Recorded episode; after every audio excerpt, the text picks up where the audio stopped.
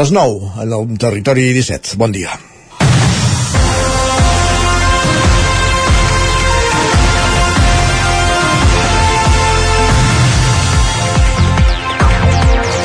El govern declarava la setmana passada l'excepcionalitat per sequera a 23 municipis del Berguedà, el Solsonès i el Ripollès, 23 municipis més.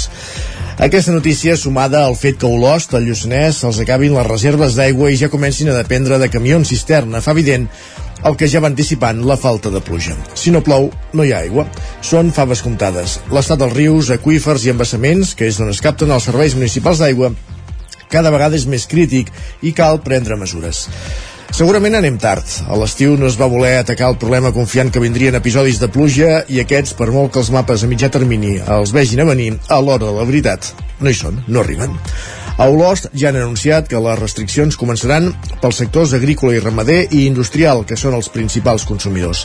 A les cases, com apuntava Agustí Danés la setmana passada a la Lupa, els deures ja fa temps que estan fets. Ara cal atacar l'emergència, però perquè a mitjà termini deixi de ser-ho hem de tendir a sistemes més eficients de consum d'aigua, sobretot entre els que més en consumeixen. L'ACA es planteja ara a baixar la pressió de l'aigua als habitatges. És només un pedaç. Calen mesures eficients, més enllà de la desalinització i la recuperació d'aigües, perquè aquella proposta que sempre apareix sobre la taula en períodes de sequera, els transvassaments, tampoc semblen la solució quan el problema és general i no hi ha aigua per transvassar. És dijous 9 de novembre de 2023, 9 anys després d'aquella consulta per la independència, en el moment de començar el territori 17 a la sintonia d'Ona Codinenca, Ràdio Cardedeu, la veu de Sant Joan, Ràdio Vic, el 9 FM, i també ens podeu veure, com cada dia ja ho sabeu, a través de Twitch, YouTube, Televisió de Cardedeu, el 9 TV i la xarxa més. Territori 17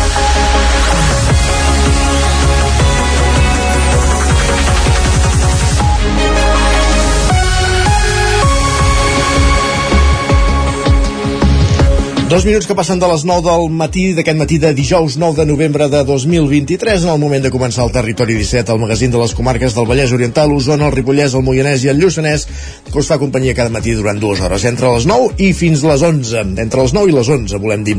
De quina manera, amb quins continguts? Doncs mira, ràpidament avancem al menú del dia. En aquesta primera mitja hora ens dedicarem a aprofundir en les notícies més destacades de les nostres comarques les notícies del Territori 17 en connexió amb les emissores que dia a dia fan possible aquest programa també farem un cop d'ull al temps, a veure si es trenquen aquests pronòstics i veiem baixar aigua, un temps afectat, ens explica en Pepa Costa, ara per línia interna, per un petit front que ha fet pujar les temperatures, però que no, no té intenció de deixar aigua. Ens explicarà d'aquí una estoneta, com dèiem, el nostre mal temps en Pepa Costa, just abans d'anar cap al quiosc, amb en Sergi Vives des del 9 FM per repassar quines són les portades dels diaris del dia. A, partir de dos quarts de deu pugem al tren a la Trenc d'Alba amb l'Isaac Muntades recollint les cròniques dels oferts usuaris de la línia de tren Barcelona-Granollers-Vic, Ripoll-Puigcerdà, aquella que a més a més aquests dies està afectada per un tall per obres per l'inici del desdoblament entre Parets i la Garriga i a l'entrevista avui anirem fins a una codirenca de fet és en Roger Rams des d'una codirenca qui es desplaça cap a Gallifa per posar el focus eh, amb un fet que és que han iniciat un cicle de xerrades per donar valor eh, a personatges que han nascut en aquest municipi. Ho coneixerem els detalls a partir de dos quarts de deu a l'entrevista i acte seguit a la connexió avui parlarem també del temps. En Miquel Giol, des del 9FM es desplaça fins a l'Observatori Meteorològic de Vic, allà hi trobem Manel Dot, de la xarxa d'observadors meteorològics de la comarca d'Osona, per repassar com ha estat l'octubre, un octubre on tampoc ha arribat l'aigua que, que esperàvem i de tot plegat farem balanç, com dèiem amb el Manel Dot, a la recta final d'aquesta primera hora del territori 17. Amb el temps arribarem a l'equador del programa, notícies, la previsió meteorològica i avui a la Foc Lent, a l'espai de cuina, ens fixem en una experiència que arriba el seva, la seva primera dècada de vida, els 10 anys de la cervesa minera de Sant Joan de les Abadesses, avui l'Isaac Muntades en parla amb el seu impulsor, amb en Jordi Mercè, en parlarem a, a la Foclin.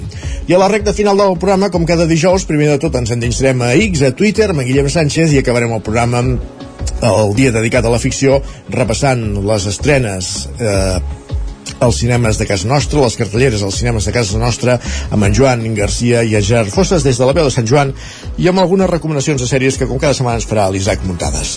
Ara mateix, quan passen 5 minuts de les 9 del matí, ens posem en dansa repassant les notícies més destacades de les nostres comarques, el Vallès Oriental, el Ripollès, Osona, el Moianès i el Lluçanès, que no són altres que les notícies del Territori 17. Territori 17.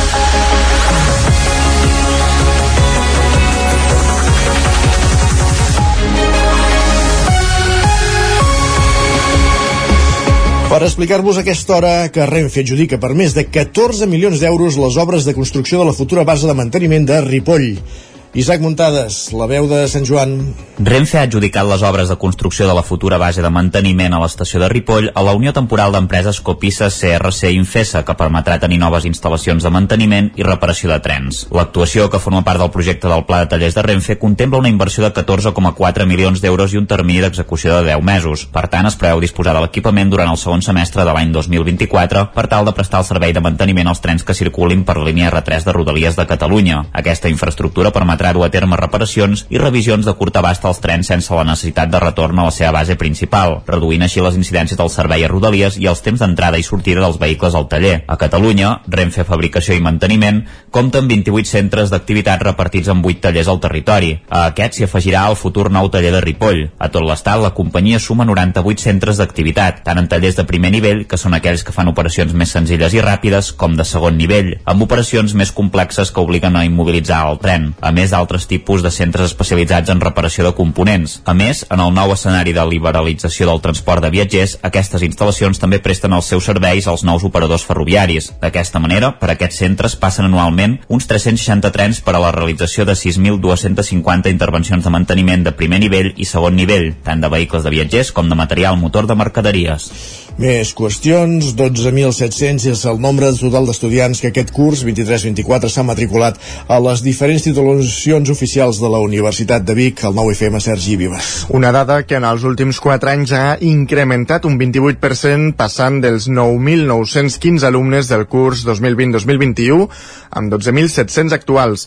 Respecte al curs anterior, el nombre d'estudiants de nou accés ha crescut un 7% amb 4.144 alumnes, una xifra que el rector de la universitat, Josep Aladí Banyos, atribueix a la posada en marxa de nous graus i al fet que cada vegada més estudiants escullen la Universitat Bigatana com a primera opció des del curs 2021 fins al 23-24 aquest augment ha estat d'un 29%, un augment molt substancial i que, esperant que hi hagi les dades definitives de tot el sistema universitari d'ESCAT, és molt probable que sigui el creixement més important de les universitats catalanes. A la presentació de les dades de matriculació també es va donar a conèixer la intenció de la universitat d'invertir 4,2 milions d'euros en l'ampliació de Can Bauman, on actualment hi ha ubicada la Facultat de Medicina. Ho deia la directora general de la Fundació d'Estudis Superiors en Ciències de la Salut de la UBIC, Marina Geli. Jo crec que al gener els podrem convidar a la inauguració de l'ampliació de gairebé 2.000 metres quadrats a Bauman, eh, que suposarà més aularis, eh, dos laboratoris de preclíniques d'odontologia i un laboratori d'audiologia, l'Audiolab, que serà el primer laboratori espanyol, perquè també el grau és el primer laboratori, com vostès saben, a la primera, eh, perdó, el primer grau d'Espanya. Una aposta que allunya una mica més la idea d'instal·lar el campus de salut de la Universitat de Vic a la zona d'Emprat de Galliners, una opció que la Universitat Bigatana manté damunt la taula però que fa anys que té encallat. De fet, ho té encallat la ciutat per tramitacions urbanístiques, més qüestions al Vallès Oriental, concretament a Caldes de Montbui, han començat eh, cursos d'acollida per a una vintena de nouvinguts. Roger Rams, zona codinenca. Exacte, aquesta iniciativa repeteix a Caldes de Montbui des de l'any 2015, impulsada pel Servei de Primera Acollida del Consistori i té com a objectiu apropar el dia a dia de la nostra societat a les persones que hi acaben d'arribar. En aquest cas, els assistents al curs són persones procedents de Colòmbia, Cuba, Argentina, Mali, Perú, Venezuela i l'Equador que porten menys d'un any visquent a Caldes. La regidora de Drets, Voluntariat i Atenció a la Ciutadania, Laia Cuscó, apunta que la integració d'aquestes persones a la societat calderina és el principal objectiu. Enguany s'han inscrit 18 persones i passaran una setmana sencera coneixent els aspectes de la societat catalana, sobretot la calderina, i el seu marc jurídic, a càrrec de diferents tècnics de l'Ajuntament i persones especialitzades. És una benvinguda, una presentació de la nostra vila perquè es puguin integrar millor i més ràpid i realment tinguin aquest sentit de pertinença i s'estimin al poble. A les diferents jornades d'aquest curs s'estan duent a terme visites a equipaments com ara la biblioteca o l'Ajuntament i a d'altres espais emblemàtics com les termes romanes o el Museu del G. Cusco explica que el curs aborda aspectes com ara la cultura, les tradicions calderines i, sobretot, els tràmits amb l'administració i els relacionats amb el món laboral. Presentem diferents temes de Caldes, la cultura, les tradicions, els drets i deures, els serveis públics, però també és un espai per conèixer-los millor i compartir i aprofitar per donar-los les gràcies per escollir Caldes i començar aquí, amb nosaltres, una nova etapa. Tots ens expliquen que han tingut un llarg recorregut, no gens fàcil, per arribar fins aquí, i aquesta acollida els emociona. I aquest curs en facilita l'adaptació i fa que es reconeguin com a calderins i calderines orgullosos del seu poble. Per primera vegada l'inici d'aquest curs ha coincidit amb l'entrega dels certificats d'acollida a les persones que ja han acabat satisfactòriament totes les formacions necessàries per poder-lo obtenir. Aquest any s'han entregat els nous certificats a nou persones procedents de Colòmbia, Argentina, el Marroc, Honduras i Perú. Gràcies, Roger. Encara al Vallès Oriental anem ara cap a Cardedeu perquè el carril bici entre el Fou, Cardedeu i Llinars, l'increment de l'arbrat, la millora de l'escola Bressol Xauxa i la instal·lació de bancs a llocs estratègics del poble són les propostes guanyadores de l'edició dels pressupostos participatius 2023 de l'Ajuntament de Sant Antoni de Vilamajor. Enric Rubio, Ràdio Televisió, Cardedeu. Així és, Isaac, enguany la votació final de l'edició ha tingut una participació del 17,5% amb un total de 962 persones votants. La fase final va estar oberta del 9 al 29 d'octubre, moment en què les persones empadronades al municipi i majors de 16 anys van poder votar un màxim de 3 propostes d'entre les 13 semifinalistes. D'aquesta manera, els 962 vilamajorins i vilamajorines que han participat en la darrera fase han decidit que les propostes guanyadores que s'executaran durant l'any 2024 al municipi siguin el carril bici entre el Fou, Cardedeu i Llinars per un import de 40.000 euros, l'increment de l'arbrat del municipi per 40.000 més, la millora de l'escola Bressol Xauxa per 55.000 i instal·lar bancs de diversos llocs estratègics del municipi per 15.000 euros. En aquest cas han entrat les tres primeres propostes més votades i, finalment, la proposta dels bancs per arribar al pressupost destinat. La votació final de l'edició ha tingut una participació, com dèiem, del 17,5%, on han votat un total de 962 persones del cens total de 5.506, en una nova edició que ha aconseguit una gran participació en aquest exercici d'aprofundiment democràtic que permet decidir de forma directa el destí de 150.000 euros del pressupost municipal. Des del consistori han volgut fer èmfasi i agrair la implicació i la participació de totes les persones que han col·laborat a l'edició d'enguany i que han participat activament en totes les fases del procés per decidir quines han estat les propostes guanyadores. La Soledat no desitjada centrarà les terceres jornades del voluntariat d'Osona que es faran entre demà i dissabte a la sala Mercè Torrents de la Universitat de Vic. Sergi Vives, al 9FM. La trobada organitzada per la coordinadora de voluntariat d'Osona reunirà entitats de la comarca sense ànim de lucre, de lucre i arrencarà divendres amb una conferència de la doctora Laura Coll Planas, professora del Departament de Ciències Socials i Salut Comunitària de la Universitat de Vic. En el seu Parlament, Coll parlarà de la soledat no desitjada, que la coordinadora considera la pandèmia del segle XXI com a una problemàtica transversal que no només afecta les persones de, uh, de la tercera edat. Dissabte, al mateix escenari, tindrà lloc l'assemblea anual de la coordinadora. S'hi presentaran els comptes, les accions impulsades per l'entitat i les línies estratègiques que han de marcar el ritme als propers anys. També dissabte s'exposarà el pas del pla pilot a consolidació del projecte de l'Escola Solidària. Més qüestions. Olost ha celebrat la quinzena Fira d'en Roca Guinarda. El bandoler va tornar a passejar-se pels carrers del poble amb un recorregut teatralitzat. El nou guió i els nous personatges van fer que la part teatral fos un èxit. Així ho van constatar els centenars de persones que es van aplegar per gaudir-ho, Sergi. La ironia i la paròdia que acompanyen el recorregut teatralitzat a l'entorn del bandoler van tornar a ser el gran reclam de la Fira d'en Roca Guinarda, que diumenge va viure una lluïda quinzena edició. El muntatge canviava de guió, canvia de guió guió cada any i en aquesta ocasió apareixien en escena, entre d'altres, uns anacrònics fills de Buda i el seu líder disposat a acabar amb una bèstia que tenia atemorida la població. No hi van faltar escenes que ja han esdevingut clàssiques, com la de les barjaules al carrer Berga, va ser el moment on va irrompre un militant de Vox que també va voler viure el seu moment de glòria. I és que reinventar-se cada any és la clau de l'èxit, ho diuen una de les actrius, Núria Comas, i l'alcalde Gil Salvans. Sí, és una fira diferent, suposo que qui ve a buscar història no la troba gaire, però en canvi troba mil escenes plenes d'humor, cada any coses diferents, i és una mica veure què passarà aquest any. Al final és una fira molt autosuficient, eh? és a dir, són 120 persones o 100, 120, 190, que, que ells mateixes jo aquest any veia, eh, hi alguna escena que ha regenerat l'edat, és a dir, que és gent molt més jove de les que hi havia l'any passat, vull dir que ells mateixos es van reinventant i van, van apareixent personatges nous cada any i jo crec que aquí és la clau de l'èxit.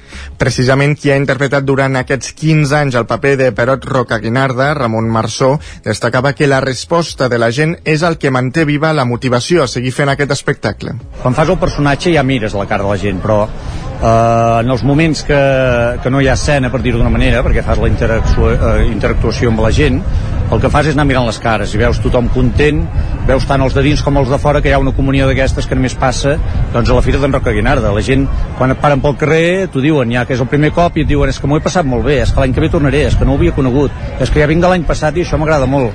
La matinal va acabar ballant a ritme del Proud Mary de Tina Turner amb el fil del taverner exercint d'una manera d'una mena de Billy Elliot. El recorregut es va reprendre a la tarda amb altres episodis igualment hilarants, com un bingo modern amb els mateixos personatges cantant els números o una suposada exhibició de cetreria, però amb presència humana en lloc d'animal. I el Martinelli a Manlleu, ara parlem d'esports, oficialitza el seu nou patrocinador, Life Melior, una nova empresa de la ciutat de segones opinions mèdiques per a persones que tinguin càncer o malalties rares, Sergi. El seu logotip va col·locat darrere de la nova samarreta del club sota el número dels jugadors. Enguany, el segon equipament ha canviat substancialment. S'ha passat del blanc i negre els últims anys al color rosa. L'objectiu, buscar una tonalitat que combini amb els colors corporatius dels patrocinadors, el lila del Martinelli i el vermell de Life Melior. I és que en tot moment han buscat l'equilibri entre el que és el patrocinador principal i aquesta nova incorporació. Un patrocini que el que vol és donar a conèixer la tasca de Life Melior. El seu fundador, Andreu Parareda, explica en què consisteix. És un programa d'atenció universal per totes les persones i transversal per totes les edats i és un programa que el que vol fer és eh, ajudar en aquestes persones que pateixen aquestes malalties o les seves famílies a trobar la millor estratègia possible o bé de diagnòstic o bé de tractament o bé de seguiment o fins i tot de prevenció per intentar aconseguir la màxima quantitat de vida sempre que sigui amb qualitat. Des de fa dies, el logotip d'aquesta empresa també ocupa l'arc central de la pista del Manlleu. Gràcies, Sergi. Acabem aquí aquest repàs informatiu que començàvem al punt de les 9 en companyia de Sergi Vives, Isaac Muntades, Roger Rams i Enric Rubio. Moment al territori 17 de conèixer la previsió del temps. Per tant, moment de saludar el nostre mal del temps, en Pep Acosta.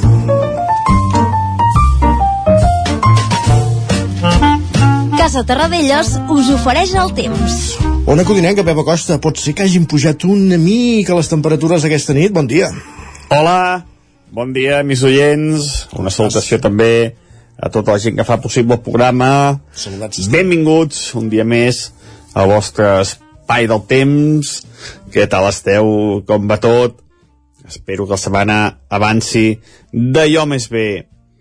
Pel que fa al temps, acaba de creuar un front, bueno, no sé si, si dir-ho front, perquè ha sigut una cosa molt esquifida, unes pluges eh, que han avançat d'oest a est molt ràpidament i han marxat eh, tan ràpidament com han entrat, eh? Mm, realment la precipitació ha estat molt escassa, molt poca cosa, no hi ha manera de que ens afecti un front atlàntic com aquest eh, d'una manera contundent, d'una manera important.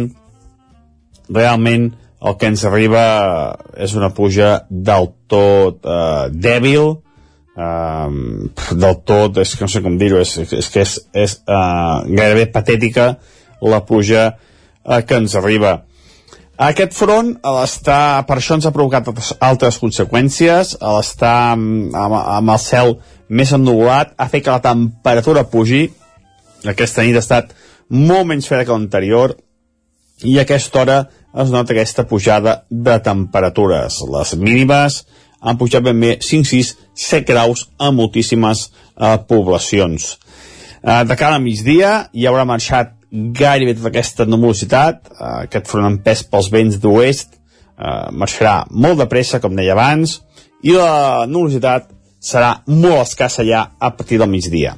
Les temperatures eh, pujaran, mm, pujaran 1 o 2 graus respecte a ahir. Més valors s'acostaran als 17, 18, 19 graus. I és que els pocs dies eh, ve el típic estiuet de Sant Martí i les temperatures aniran pujant dia rere dia.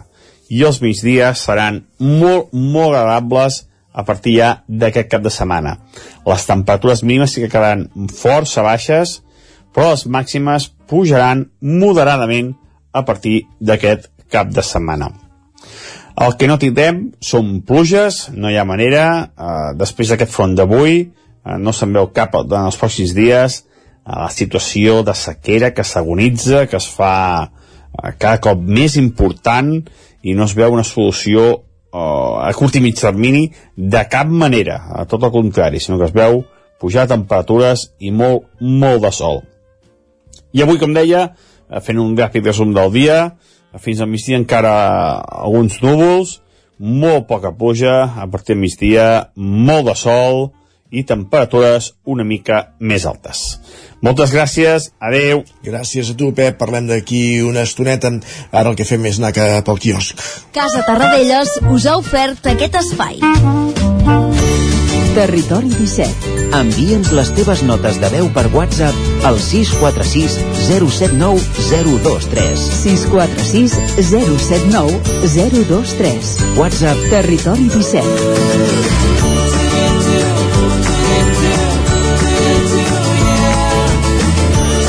Territori 17. Som a Facebook, Twitter i Instagram amb l'usuari Territori 17. 8 minuts i mig i seran dos quarts de 10 del matí. Moment d'anar cap al quiosc, qui ho ha fet és en Sergi Vives del 9FM per repassar quines són les portades dels diaris del matí, d'aquest matí de dijous 9 de novembre de 2023. Sergi, per on van avui les portades dels diaris? Doncs mira, començarem pel punt avui, que encapçalen portada amb el titular Aigua amb menys pressió. Diuen que el govern consciencia als ajuntaments que l'emergència i imminent pot restringir el servei. Expliquen que els operadors ja estan fent proves que portarien estalvis entre un 2% i un 5% del consum.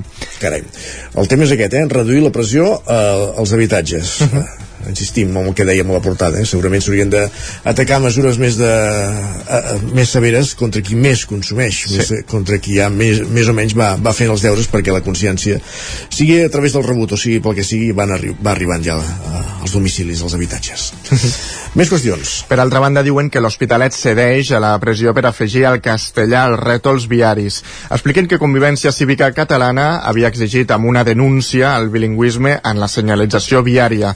El consistori no ha esperat la sentència judicial i ja ha fet els canvis en vuit senyals. Això ho diu l'ara, eh? El punt avui, el, el punt, punt avui. Ah, d'acord. Sí. Entesos. No, perquè també ho hem vist a l'Ara, que precisament és un diari que tradueix els seus articles al castellà. Sí. Val a dir-ho. Més qüestions. El periòdico diu que PSOE i Junts encaren la investidura per la setmana que ve. Expliquen que el pacte es torna a accelerar avui, mentre Brussel·les ja s'interessa pel contingut de l'amnistia. De fet, tant s'ha accelerat que a les 12 hi ha una compareixença i tot apunta que sigui per anunciar l'oficialitat d'aquest acord. I també, Isaac, hi ha aquí la notícia del dia. Aviam, expectants, parem màquines. Ens diuen que la princesa del poble fa 50 anys. Qui és la princesa del poble? Belén Esteban. Ah, d'acord. Ens diuen que arriba al mig segle convertida en fenomen social i exemple de desenvolupament d'un personatge. Avui també ens fixem en una altra efemèride, avui fa 9 anys de la consulta del 9-N. posats a celebrar efemèrides. Això no ho diuen. D'acord. Cap diari, crec, eh? per això ho recordem nosaltres. Això, això. Eh, la Vanguardia diu que PSOE i Junts tanquen un acord per desbloquejar la investidura. Diuen que el comissari europeu de Justícia demana aclariments al govern espanyol per l'amnistia, mentre que Feijó culpa Sánchez dels aldarulls. També diuen que precisament Sánchez va mantenir ahir una breu trobada amb els empleats de la seu del seu partit, a Ferraz, a qui va assegurar que els eh, tax ultres demostren que cal que governi el PSOE. Lara diu que Brussel·les demana explicacions a Sánchez pel projecte d'amnistia. Expliquen que el comissari de Justícia sol·licita informació detallada al govern espanyol sobre la futura llei. Diuen que Junts i PSOE acosten posicions i els socialistes confien poder tancar l'acord avui. He sentit aquest matí Felipe González dient que el que, que, no, ens podem, que no es poden vendre per, per set vots i que el que cal és guanyar unes eleccions, en fi. Uh, que... El van fer fora del partit o no? Que no, home, no, no eh? home, que l'han de fer fora. Sí, sí, bueno. és un, un expresident d'honor. Va, unes qüestions. Anem a repassar a premsa espanyola. El País diu que PSOE i Junts ultimen l'anunci de l'acord per la investidura. Expliquen que Brussel·les demana explicacions sobre l'amnistia abans de que hi hagi llei. Afegeixen que Feijó condemna finalment la violència al carrer, però assenyala el líder socialista. Per altra banda, destaquen que han trobat la bessona més llunyana de la Via Làctia. Expliquen que investigadors del Consell Superior Científic han descobert una galàxia similar en els confins de l'univers esperem que allà si hi ha uns terrícoles siguin més efectius, més eficients que, que els d'aquí. Sí. Més qüestions. L'ABC diu que Ivan Illarramendi va ser assassinat pels terroristes de Hamas en l'atemptat de Kibbutz. Expliquen que un equip forense israelià identifica els cadàvers de l'espanyol i la seva dona xilena un mes després de la massacre. El Mundo diu que la Unió Europea irromp amb l'amnistia i exigeix conèixer el seu abast. Expliquen que el comissari de Justícia envia una carta a Bolaños i Llop perquè li donin informació informació detallada de la negociació.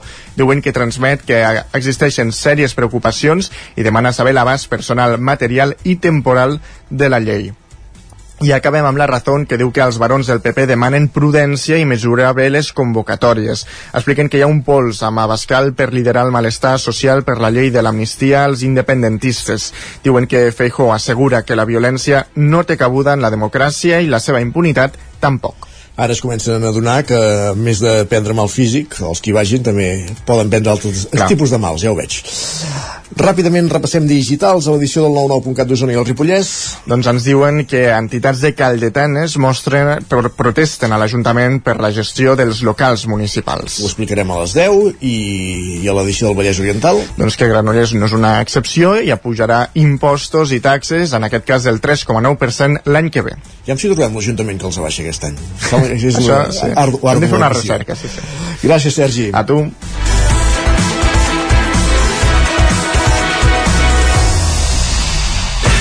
El nou FM, la ràdio de casa, al 92.8. Quan tingui un problema amb la seva caldera, vagi directament a la solució. Truqui sempre al servei tècnic oficial de Saunier Duval i despreocupis, perquè som fabricants i coneixem les nostres calderes peça a peça. I ara aconseguiu fins a 300 euros en canviar la caldera. Informeu-vos al 910 77 10 50 o a saunierduval.es. La qualitat de les teves impressions és important per tu? Estàs cansat que els colors i les imatges no surtin com t'esperes?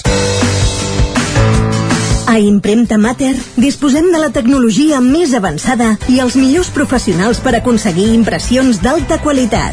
Fem tota classe d'impresos amb acabats professionals. Llibres, catàlegs, revistes, tesis, calendaris, enquadernacions... I a més, disposem del servei d'impressió digital en gran format. Roll-ups, lones, pòsters i molt més. Impremta Mater.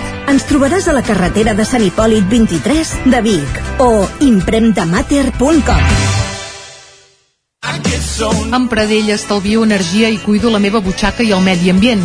Posa't en mans de Pradell, són experts en calderes de gas i condensació, estufes de pèl·let, energia solar, terres radiants i geotèrmia.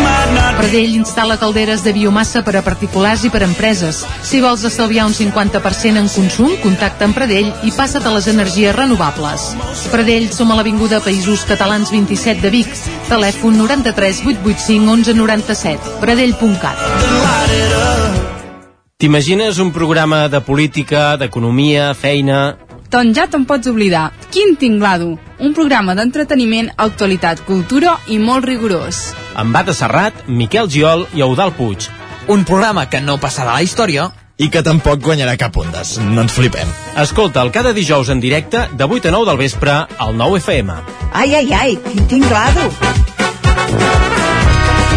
L'infopodcast del 9-9 amb Sílvia Pedret. Cada dia et donem les claus de les notícies més rellevants de casa nostra. Vivim en una comarca que s'està demostrant pionera en transició. Desperta't cada dia amb l'infopodcast del 9-9. Aquesta setmana tornen a ser notícia els pantans perquè han baixat... El trobaràs a dos quarts de vuit del matí al 99.cat, Spotify, iVox i, si ho vols, te l'enviem directament al mòbil.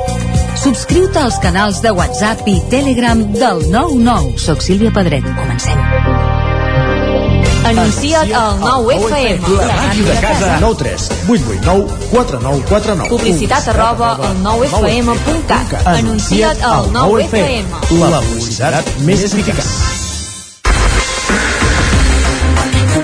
El 9 FM, la ràdio de casa, al 92.8. Territori 17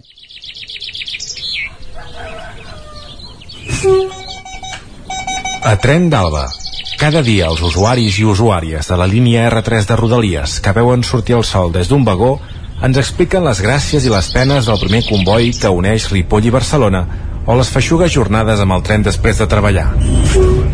Benvinguts a Tren d'Alba. El dimarts els Mossos d'Esquadra van detenir un parell d'homes a Terrassa que sostreien cable de les vies del tren. La sostracció d'aquest cable acaba comportant retards en els trens que circulen per les vies afectades. En els comentaris de la piulada a X, alguns usuaris deien que s'havia de tenir sobretot els compradors i els intermediaris, ja que hi havia molta gent que es veia afectada per aquests robatoris en el dia a dia d'anar cap a la feina. A veure, que és veritat que els trens ja solen anar en retard, però si es roba aquest cable, encara més. No sé si la idea seria electrificar-lo, com deien alguns dels comentaris, que no tinc ni idea de si seria viable. En tot cas, hi hauria d'haver més vigilància arran de les vies. Això seria força recomanable. Va, ens retrobem dilluns amb més històries del tren i de la R3. Territori 17 Passa un minut ara mateix de dos quarts de 10 del matí.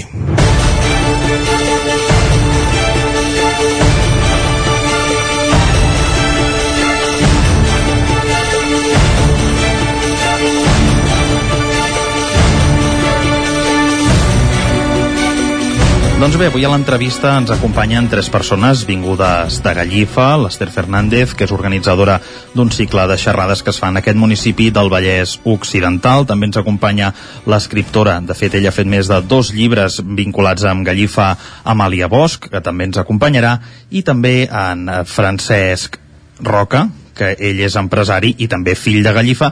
Tots tres estan aquí perquè el proper dijous 10 de novembre, en aquest petit municipi, es dona el tret de sortida al cicle Converses a Gallifa, que comptarà amb una xerrada inaugural a càrrec de, de l'Amàlia i d'en Francesc sobre eh, temes relacionats amb Gallifa, com la seva arquitectura, també la seva cultura, el sector primari, la seva història, en fi, una mica de profunditat sobre aquest municipi del Vallès Occidental.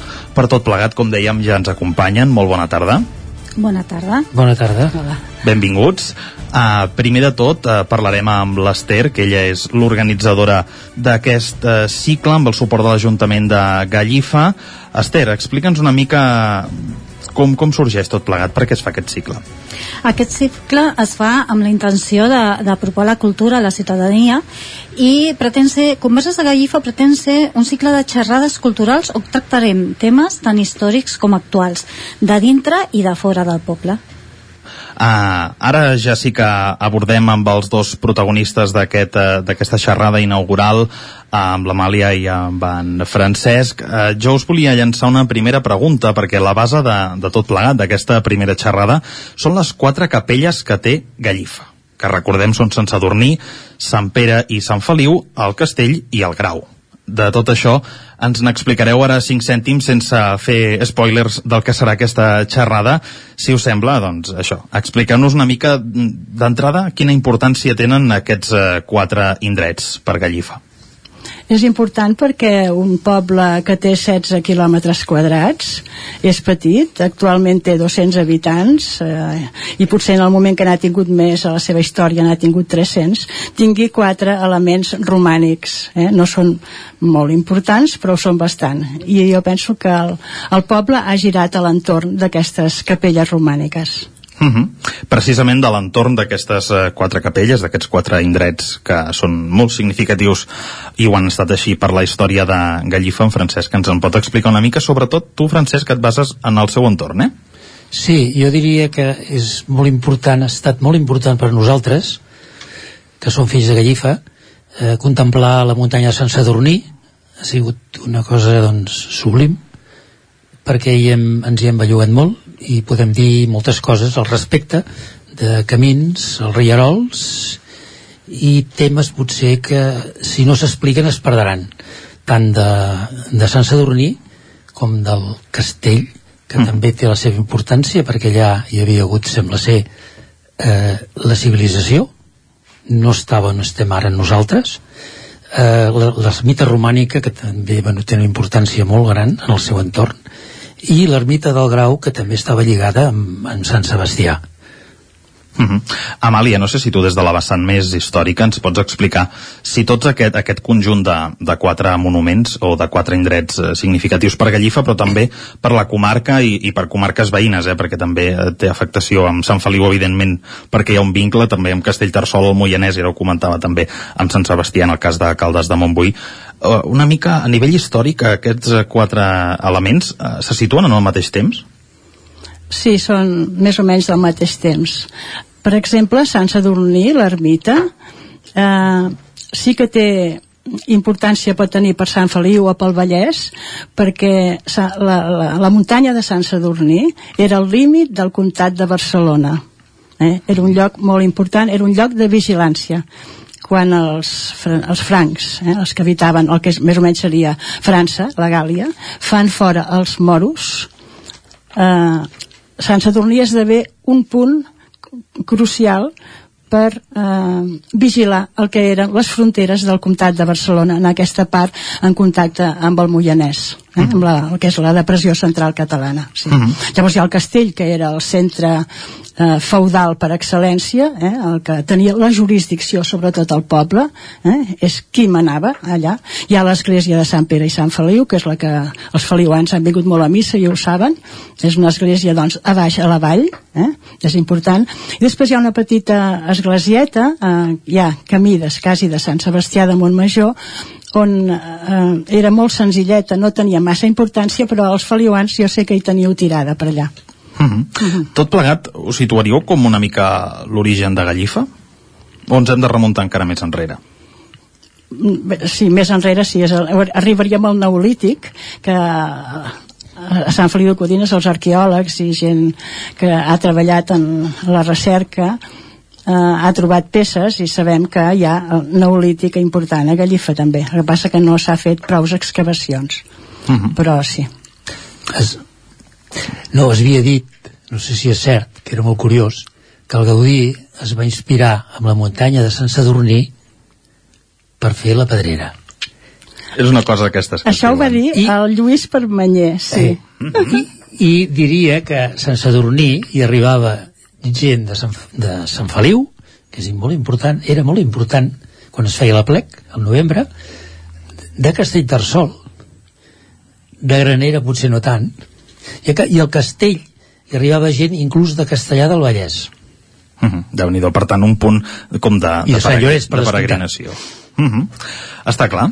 Una mica, Amàlia, sobretot amb tu, un dels aspectes que vols desenvolupar en aquesta primera xerrada és la vida feudal que hi va haver a Gallifa, a mi m'ha cridat uh, una mica l'atenció perquè preparant l'entrevista ens deies que al segle XVI s'acaba sobre el paper. Però explica'ns una mica d'aquesta vida feudal de Gallifa i sobretot què, què és el que exposaràs en aquesta xerrada. Clar, és que a l'edat mitjana i després de l'edat mitjana hi havia una superposició de, de propietaris que cobraven diners el, als pagesos eh, perquè eh, els pagesos llogaven les terres, després havien de pagar perquè el senyor feudal els defensava, havien de pagar l'església doncs, pels ciris, només feien que pagar. Els pagesos estaven arruïnats eh, i no es podien separar de la terra si no era pagant una, una redimentia, no? que és una remensa, una quantitat.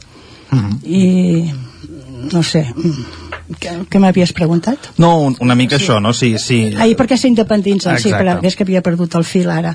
S'independitzen perquè eh, no poden ja resistir més, les terres de Gallifa no són molt bones, ni hi ha grans extensions, grans camps, llavors recullen diners i amb Felip II, amb Felip II d'Espanya, a meitats del segle XVI, li demanen de constituir-se en villa, vila reial, que vol dir deixem de ser feudals, de dependre d'aquest senyor, que només tenim una ferreria, que és la seva, només tenim una carnisseria, que és la del senyor feudal, eh?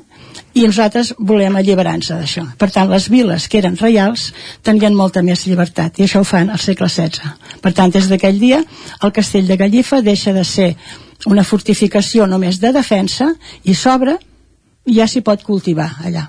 Uh -huh. Canvia tot. Uh -huh. uh, tot aquest municipi que, que comentes que s'obre a partir del segle XVI també integra diversos elements en el seu voltant, és a dir, no concentrats en un nucli, nucli urbà, sinó també en una sèrie de, de camins no, que, que es desenvolupen al voltant, també de masies, de cases de pagès. Una mica, Francesc, explica'ns què és el que, és a dir, què, què és el que trobem als voltants de, de Gallifa, sobretot a partir del segle XVI. Bé, als voltants de Gallifa hi ha masies i eren molt importants. Algunes, degut a el que està explicant l'Amàlia, eh, jo la, la, la, la història més recent, o no tant, van perdre molt perquè les terres són molt dolentes, llavors tot el que era per sota de la carretera que es va construir és, no, és, no és productiu, eh? de tal manera que quan, quan el Franco va alliberar, eh? quan va arribar el, el Pla de les Forques, que es veu Gallifa, que van venir per Sant Llorenç, va dir aquí no cal que hi anem perquè no hi ha res. O sigui, no vam ser alliberats. déu nhi Això és història. Home, i en certa manera és un punt fort que a vegades no es valora no? d'un lloc recònic com, com Gallifa. Però diria que les masies de Gallifa mm, són realment molt pobres, eh? Hi han algunes que van poder tirar endavant, però també s'ha de dir amb l'esforç de la gent que hi havia, que havia de viure, perquè no tenia altra manera de subsistir. Uh -huh. Aparcant, en certa manera, i no del tot, eh, el focus sobre aquesta xerrada inaugural que fareu el proper 10 de novembre, aprofitant doncs, que l'Amàlia és historiadora i que en Francesc doncs, eh, és fill de Sant Feliu, igual que l'Amàlia, i que tots dos ho sou, una cosa que no és fàcil de, de trobar. No sé, vosaltres, des del vostre punt de vista, tant històric com personal, com, com heu vist, eh, com heu viscut a Gallifa, havent-hi nascut i fins avui en dia? Bé, jo a Gallifa no, no hi soc, no hi visc, hi vaig molt, eh, ara potser no tant, però realment me l'estimo molt i penso que no s'hauria de perdre mai Gallifa. Té una situació privilegiada a 800 metres al nivell del mar, que, bueno, ja ho sabem, deien antigament que la gent per curar-se havia de viure en aquesta altitud, eh, que era molt, molt important. Hmm. Amàlia, potser anem, anem amb tu com a, com a historiadora. Ara en Francesc comentava que hem de lluitar, no? deia, per tal de que Gallifa no acabi desapareixent. Tu com a historiadora, quan ho analitzes, veus que hi ha possibilitats reals de que Gallifa acabi sent, eh, és a dir, un, un poble abandonat? No, jo penso que estem suficientment a prop de Barcelona com perquè un dia o altre aquesta àrea metropolitana ja se'n comença a parlar s'extendrà més cap al Maresme i també s'estendrà cap al Vallès vol dir que aquesta franja que hi ha a Sant Llorenç del Munt, Gallifa potser són cingles de Bertí que és tan rica de, de bosc eh? de, de la, vida natural jo penso que això a la llarga mm, serà el nostre futur i la nostra salvació. Vull dir, no som un, un poblet que quedarà com pot passar a altres comarques més fora del, del centre de Catalunya, aquestes comarques que es despoblen. Jo penso que Gallifa s'ha despoblat, però que té futur eh, sobretot pel seu paisatge i per la seva vida vegetal. Mm.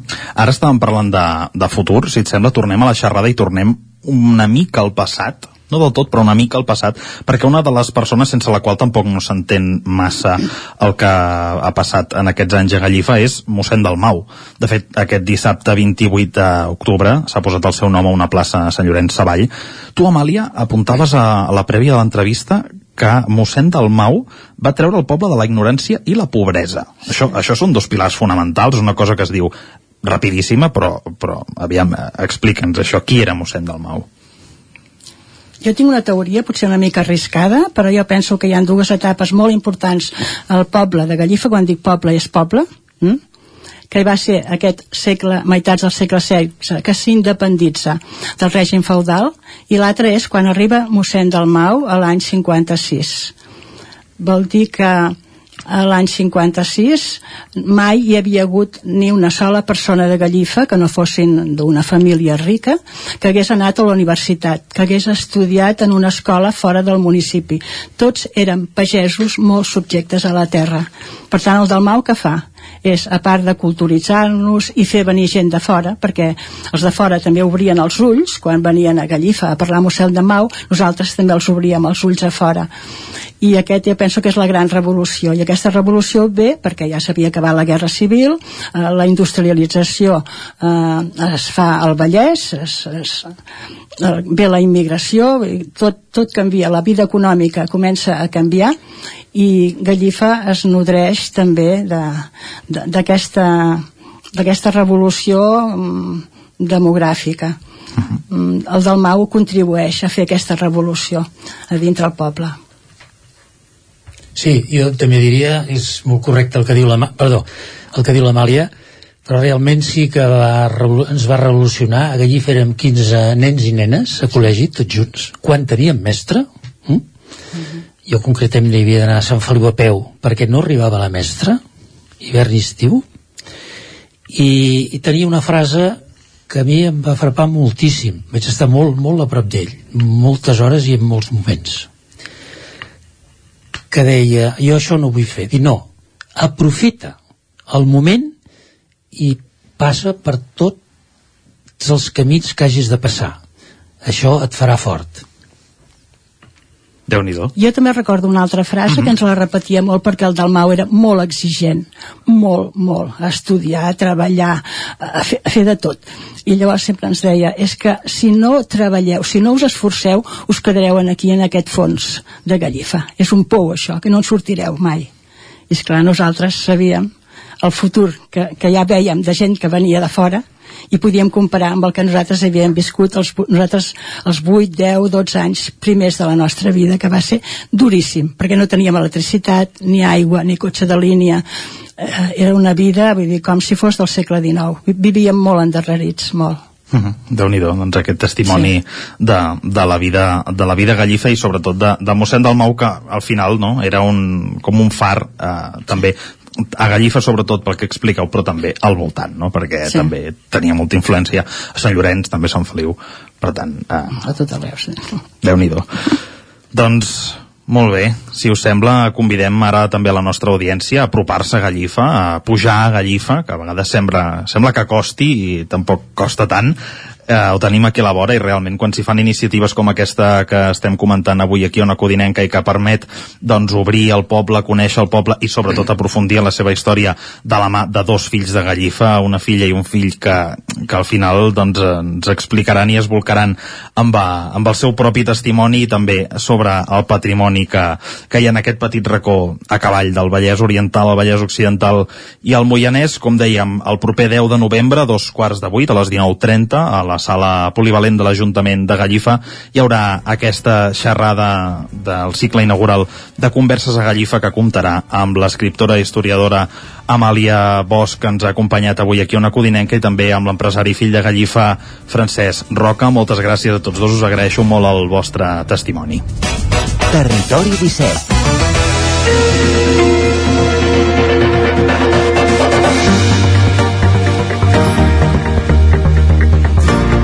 Avancem al territori 17, 12 minuts perquè siguin les 10, en directe i anem cap a l'exterior. Ja sabeu que ens agrada molt sortir cada dia a l'exterior i avui qui s'ha desplaçat dels estudis del 9FM fins a l'Observatori Meteorològic de Vic és en Miquel Giol. Miquel, bon dia, benvingut. Molt bon dia, Isaac. Doncs bé, eh, com deies, avui torno a aquí a la zona esportiva de Vic, concretament a sota l'alberg de Vic on hi ha l'Observatori Meteorològic, i on avui fa exactament un mes i quatre dies que vaig venir precisament per parlar amb en Manel Dot sobre el temps que havia fet al setembre. Eh, doncs bé, hem deixat enrere l'octubre i és el moment d'analitzar com ha estat aquest desè mes de l'any i preveure una miqueta com s'anticipen aquests dos últims mesos de tardor abans d'entrar a l'hivern. Eh, primer de tot, Manel, la diferència amb l'últim cop és que, si no m'equivoco, el el mes passat vam venir amb màniga curta i avui ja anem abrigats, no? Sí, almenys és més normal les temperatures que tenim, eh, sobretot el que hem tingut aquests dos últims dies, que hem tingut les primeres gelades i hem baixat sota zero, no? les fondalades d'aquí, per exemple, de la plana, doncs eh, s'ha arribat quasi als 5 sota zero, a banda de Bujons, eh, Sant Sadurní de Sos Morts, un punt fred, i la resta, doncs, entre 1 i 2 sota 0 els hem tingut. O sigui la Guixa, per exemple, amb 2 sota 0, aquí Vic amb 1,3 sota 0, ja són temperatures normals per l'època. Exacte, perquè precisament, a més és això, venim d'uns dies de molt vent, de molta baixa de temperatura, amb, també amb la borrasca Ciaran, però si parlem ja de l'octubre, com ha estat en general aquest mes, si en féssim una valoració? Doncs eh, fumut, la veritat. Eh, altre cop ha estat doncs, càlid, sec i destacar sobretot el vent el vent que ens ha dominat, a veure, ens han anat passant fronts els que ens passaven ja també pel setembre, fronts atlàntics, que l'única feina era deixar quatre gotes, eh, algun ruixat més significatiu a banda del Ripollès, eh, sobretot aquesta última, aquesta última setmana, o principis de, de setmana, el, crec que era el 2 de, setembre, el 2 de, de novembre, va fer un ruixat bo. Però bueno, si parlem de l'octubre, l'octubre ha estat càlid, sec i molt ventós.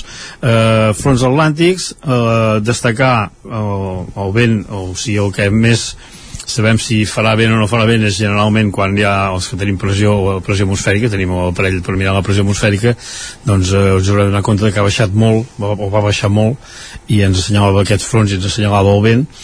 I, uh, i l'altre doncs destacar doncs, sobretot els, els dos rècords que hem tingut uh, aquest mes d'octubre. El primer dia d'octubre per exemple que vam arribar a 32 graus a Vic eh, bueno, a Vic i en general a tot arreu a Vic tenim dades de, seguides des del 1950 és la, o sigui, va estar, va estar rècord en un mes d'octubre dels 32 graus i recorda la mitjana, o sigui que durant l'octubre ha estat càlid i això arribar a la mitjana ens ha quedat doncs quasi bé gairebé 4 graus per sobre del que la marcaria la climàtica. Això és una bestiesa, oi? Sí, és, sí Isaac, és, és una bestiesa, és això, comenta, des del 1950 és, és el rècord de, des de llavors, vull dir que uh, hem tardat, des de, en 75 anys les temperatures més càlides han estat aquest 2023. Uh, Manel, si ens fixem ja, bé, hem comentat que ha estat càlid, però ha estat humit, ha plogut gaire, si ens fixem en els pluviòmetres, o com ha estat tot plegat? No, poca cosa, eh? res, res. Sobretot el que és... El punt que encara ho ha fet una mica, eh, ha estat més la banda del Ripollès, no massa, eh, d'així estan les capçaleres de, dels rius i bueno, i, vull dir, les capçaleres dels rius ho ha fet poc, això està als, així estan els pantans també de secs. I una mica la banda del, del, del Lluçanès, Lluçanès, Vidranès ho ha fet una mica, però res poc eh, a Vic, per exemple o el cas de la plana de Vic la, la mitjana és cap als 70 litres i ens hem quedat amb res, misèria eh, 10, 20, 30 litres, depèn del punt però sí que, per exemple, aquests principis de novembre ha plogut més recurrentment, no? Inclús a zones més àmplies de la comarca, normalment plou més cap al nord, aquests dies hem tingut més pluges cap al sud, no, també? Uh, poca, poca, on, on veus tu la pluja, no Miquel? Per la pàgina web, el que veig. Uh, no, mira, el, el que és uh, la banda del Ripollès sí que ho va fer-ho el dia 1-2, el 2 crec que va ser, que la banda de, de Núria doncs, va caure bastanta aigua, eh, no recordo exactament però crec que hi havia eh, 40-50 litres per metre quadrat en aquella zona eh, la Núria i punts de, de Ull de Ter i això i, i el, en allà encara ho ha fet una mica però la resta aquests fronts que ens passen aquí donen més aigua, per exemple, el que és la Vall d'Aran la Vall d'Aran i aquelles zones d'allà sí com ven els fronts salvàtics donen molta aigua en allà però aquí es donen poca, poca aigua. I eh, aquí res, dècimes el que tenim per exemple aquest mes, aquest mes d'octubre comptant la, la, el que ens ha caigut avui aquesta matinada eh, que han caigut eh, entre 3-4 litres per metre quadrat algú que ha fet més, el banda del Vietnamès i altre cop el Lluçanès i en aquí tenim, per exemple, els, els litres totals eh, d'aquest mes portem 12,4 a Vidrà, 12,2 a Cosons a Sora, a Sant Boi de Lluçanès amb 12,2, eh, en fi, poca aigua. A, a, a Tona eh, el tinc, eh, Tona porten 6,8, en fi, de moment home, és a principis de mes i, generalment el novembre no és un mes de molta pluja però de moment eh, ens ha plogut poc i portem poca aigua tot i que si mirem els litres totals de l'any a Vic, per exemple, tenim, o, o al cas La Plana, uh, estem cap als 560 litres per metre quadrat, que, que no hi ha pas... Hi ha altres anys que hi ha molta menys aigua. L'any passat es van quedar el total de l'any amb 400 i pico, no, no, no recordo exactament quan, però va fer menys... Va, o sigui, el general de l'any va ploure menys l'any passat que aquest. L'any passat també va ser un any molt sec, també. El problema, Ah, jo- això, jo m'avi- el, no, Digues, no, Isaac. no, dic, el problema per això ja no només és la, la poca pluja que- d'aquest any, que sí que, que pel que comentava ara en, en Manel, eh, ha plogut més, per exemple, que l'any passat, i que no, segurament la mitjana anual no és dolenta, el problema ja és el, tot el que arrosseguem de- d'abans, no, diguéssim. El problema, a banda d'aquestes pluges que ha, han, han, evidentment han pujat aquest any, com comentaves, és que ja ho arrosseguem d'abans, no? Seria? Sí, portem dos anys eh, de sequera, sí, dos, tres, sí, sí, sí, que no hem pas arribat eh, ni de bon tros. Eh, ha plogut puntualment en alguns mesos, eh, aquest any que va ser el març que va ploure bastant, a l'agost també, puntualment ha plogut molt, però a les restes dels altres mesos, doncs, eh, misèria. Vull dir que eh, ha estat un, un mes puntual, però la resta molt sec. O sigui, l'estiu va ser molt sec i la tardor torna, torna a ser molt seca. Molt bé, doncs Isaac, mira, nosaltres ara estem a dins de, de l'aula d'aquí l'Observatori Meteorològic i ara el que farem és sortir a, a fora perquè en Manel com que aquí a l'observatori tenen un, un munt de- d'objectes i d'aparells aquí per controlar i observar evidentment la meteorologia, ens explicarà com funciona concretament un Manel, de quin, de quin parla, coneixerem avui? Uh, L'heliògraf, per exemple. L'heliògraf, Uh, L'heliògraf és una bola, uh, ara sortíem a fora i ho mirem, és una, és una lupa, és una lupa que és per controlar les hores, o sigui, per mirar les hores de sol efectiu que hi ha durant el dia. Llavors, eh, ara pràcticament, ara tot és electrònic, no? Vull dir que ara tot van xips. Eh, això no, això era una bola que és eh, molt antiga, té molts anys, n'hi ha poques eh, d'observatoris que la tinguin, i consta, és una bola una esfèrica d'una és, una, és una lupa, no fa res més que eh, el sol entra per un cantó i surt per l'altre i en l'altre hi tenim és una banda una banda de que hi ha les hores marcades i és una banda que, com que l'únic que fa és cremar, doncs crema crema la banda aquesta i les hores que, o sigui, les hores que no hi ha sol doncs no crema, aquella part no el crema i saps les hores que hi ha hagut sol les hores que no n'hi ha. Llavors eh, el que fem nosaltres és apuntem manualment, esclar, és, és, un, és, un, és un aparell manual el que fem doncs és apuntar darrere doncs, el dia que ha set i, la, i les hores de sol que hem tingut aquest dia Ah, De fet, abans m'ha ensenyat eh, aquesta banda i es veia allà aquests trossos cremats, era, era ben curiós. Precisament, parlant de les hores de sol i de la calor que potser ens espera aquests propers dies, aquest cap de setmana, si no m'equivoco, és l'estiuet de Sant Martí, no? Es cremarà gaire eh, la, la, la banda de l'heliògraf o, o com quedarà? Doncs jo crec que sí. A veure, avui encara no. Avui tinc dominant els núvols encara, encara es podria escapar algun ruixat. Eh, ens passa aquest front, que pràcticament ha passat a la part més activa, però encara podria créixer una nuvolada i donar-nos algun ruixat. Hi ha, hi ha una mica d'entrada d'aire fred. Eh, demà serà un dia doncs, que al matí farà més fred. Eh, un cop passat aquest front ens ve aire fred. Eh, això farà tornar a baixar les temperatures, les normalitzarà una mica. Les màximes es quedaran tant avui com demà. Avui no crec que passem dels 15 a 16 graus. Demà, si fa o no fa, no crec que variï massa, podem baixar un grau, però el que és el cap de setmana, per exemple, el que és diumenge i el que és la setmana que ve, eh, les temperatures se'n van cap als 20-21 graus i el dimarts, dimecres marcàvem 24 graus, vull dir que l'estiuet s'allargarà i, i tornem a tenir temperatures altes. Per tant, la previsió del novembre és temperatures altes i que potser si algú s'ha arribat a posar l'anorac, potser se l'haurà de baixar un forro, no? A veure, eh, saps que allargar tant el novembre generalment no és un mes de pluges és un mes doncs més de, de boires més, més, uh, més tranquil més de, de, de, de fred no? Si mirem anys, molts anys enrere perquè hi ha hagut anys que, que ens hem menjat les castanyes en màniga curta.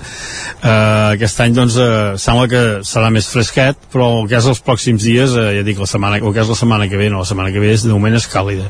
De pluges no se'n veu pas de moment ben bé uh, en tota la setmana que ve. Vull dir que de moment de precipitacions se'n veuen poques. Miquel, eh, normalment amb el Manel sempre intentem buscar algun, algun exemple de, de conseqüències que, que de, dels efectes del clima i, i ara en aquesta època sempre posem d'exemple els bolets però és que a partir del dia 15 de novembre com cada any eh, entrem ja en la campanya de, de la col·lecta de, de la tòfona de negra Uh, és, és evident que cada any uh, aquest 15 de novembre se'n se, va més enllà és a dir, les tòfones bones comencen a sortir més cap a desembre-gener però no sé si té notícies aquest any d'algun tofoneri que li hagi dit que, sí, que tenint en compte que no hi ha hagut pluja eh, tampoc hi haurà tòfona Daniel, tenint en compte que comença ara el dia 15 la, la temporada de recolecta de tòfona, com, està, com pot afectar, per exemple, la meteorologia, la poca pluja, o el fred que estem... o la calor, per, perquè més, hi ha més calor que fred que hi ha en aquests dies en això, aquesta temporada, com pot afectar-hi? Home, el cas del bolet, eh, malament. Eh, pensa que ha plogut poc. Bueno, depèn del punt. Eh, si ha enganxat en algun lloc que, que, que encara ha plogut una mica, doncs eh, sí que sortiran. Però vaja, de bolets aquest any la cosa... Eh, bueno, només s'ha d'anar a la plaça. No, el, el, el baròmetre és a la plaça. Mira els preus que, que hi ha els pocs que, que venen, que estan caríssims ha plogut, ha plogut poc perquè hi hagi bolets i, i la tòfona també és, bueno, eh, ho té també bastant fumut perquè també necessita aigua suposo o sigui que malament no crec que, que n'hi hagi massa massa Bueno, això ja ho anirem veient, no? però de moment eh, sense aigua no hi ha bolets ni hi ha, ni hi ha tòfones. Per tant, a Centelles patiran aquest any. A Centelles i arreu. Sí, si són d'aquí a la plana, sí. bueno, és que res per la fira de la tòfona. bueno, doncs moltes gràcies, Manel i Isaac. Ja ho veus, avui hauràs de sortir potser encara en Manorac, perquè les temperatures són baixetes, però de cara al cap de setmana potser ja et pots animar una miqueta més i... En Urac, inclús... anava a dir, en Urac i encara m'ho queda al coll. Hem fet balanç meteorològic del mes d'octubre i ara el que toca és posar-nos al dia amb les notícies més destacades de les nostres comarques, les notícies del territori 17, les notícies del Vallès Oriental, Osona, el Ripollès, el Moianès i el Lluçanès.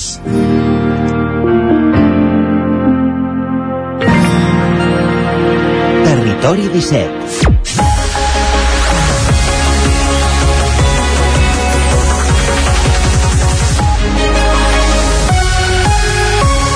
I us expliquem a aquesta hora que cinc entitats de Call d'Atenes han fet públic el seu malestar amb l'equip de govern de l'Ajuntament per la gestió dels locals municipals que utilitzen Sergi Vives al 9FM. Així és, dilluns es van concentrar davant de l'Ajuntament abans que hi comencés el ple municipal i denunciaven que sense informació clara prèvia per part del consistori, al cap de setmana del 21 i 22 d'octubre no van poder accedir als locals que utilitzaven la JAC, la Pera, la Comissió de Festes i l'Escamot, en una nau municipal del polígon. A partir d'aquí expliquen que algun un dels col·lectius va retirar el material que hi tenien a instàncies de, de l'Ajuntament i que en d'altres casos el material va ser tret pel mateix consistori. Reclamen explicacions oficials a l'equip de govern tant sobre el canvi com de quina és l'alternativa d'espais que els ofereix el consistori. Oriol Peix és el portaveu de les entitats afectades. Que se'ns convoqui una reunió, se'ns doni unes explicacions dels fets i inclús se'ns demani unes disculpes per com ha anat tot a dia d'avui ens trobem que, que estem desemparats, no tenim locals, el material està guardat a un lloc eh, al qual no tenim accés, no sabem com està el material, llavors eh, les entitats seguim fent vida aquí a Calla Atenes, seguim organitzant coses, però amb aquesta situació ara mateix no, no és viable. A la protesta també s'hi ha sumat l'esplai Aquinoqui, que compta amb una cinquantena d'infants i una vintena de monitors, i que actualment està fent la seva activitat en un espai provisional a la plaça 1 d'octubre. En el seu cas es queixen de l'opció del nou local que els ha donat l'equip de govern, als baixos de la Sàlvia, que seria també on s'ubicarien els nous magatzems dels altres col·lectius. L'alcalde Miquel Riera defensa la gestió de l'equip de govern amb el seu grup, Junts, que comparteix amb els independents de Compromís per Caldetenes en relació a les entitats. L'explicació per part de, dels regidors corresponents ja ha sigut, tenint en compte els locals municipals que es disposen i els mitjans que es disposen, eh, penso que estem actuant doncs, de manera correcta. Des de l'equip de govern consideren que els magatzems que proposen els col·lectius afectats són més adients que els espais que ocupaven fins ara i asseguren que les entitats tindran a disposició tres sales de l'edifici de l'Ajuntament per fer-hi reunions. També es mostren oberts a fer canvis a l'espai de la Sàlvia que han ofert a l'espai Equinoqui. Més qüestions. Els Mossos d'Esquadra i les policies locals de Sant Feliu de Codines i la seva rodalia tornen a activar el dispositiu Vicus per evitar robatoris en força a domicilis Roger Rams, zona codinenca. Exacte, el dispositiu coordinat des de la comissaria dels Mossos de Caldes de Montbui es reactiva de manera preventiva i coincidint amb el canvi d'hora. Tot plegat es va crear l'any passat, al mes de gener, per fer front a l'augment de robatoris en domicilis particulars d'aquesta zona i involucra fins a 8 policies locals.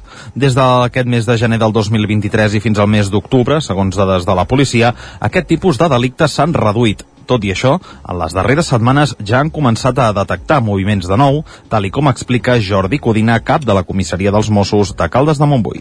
Uh, sí que és cert que les dues últimes setmanes ja hem detectat uh, moviment, uns primers robatoris que ja segueixen el modus operandi habitual en aquests casos, que és aprofitar el canvi d'horari perquè durant uh, la nit a la foscor doncs és més fàcil detectar que una casa està buida i aprofitar aquests moments per entrar i robar a dins d'aquestes cases que són preferentment urbanitzacions i cases de, de quatre vents. Hi ha grups especialitzats que es dediquen a això i per això ens anticipem i els hi volem posar totes les dificultats que estiguin a les nostres mans i amb els nostres recursos.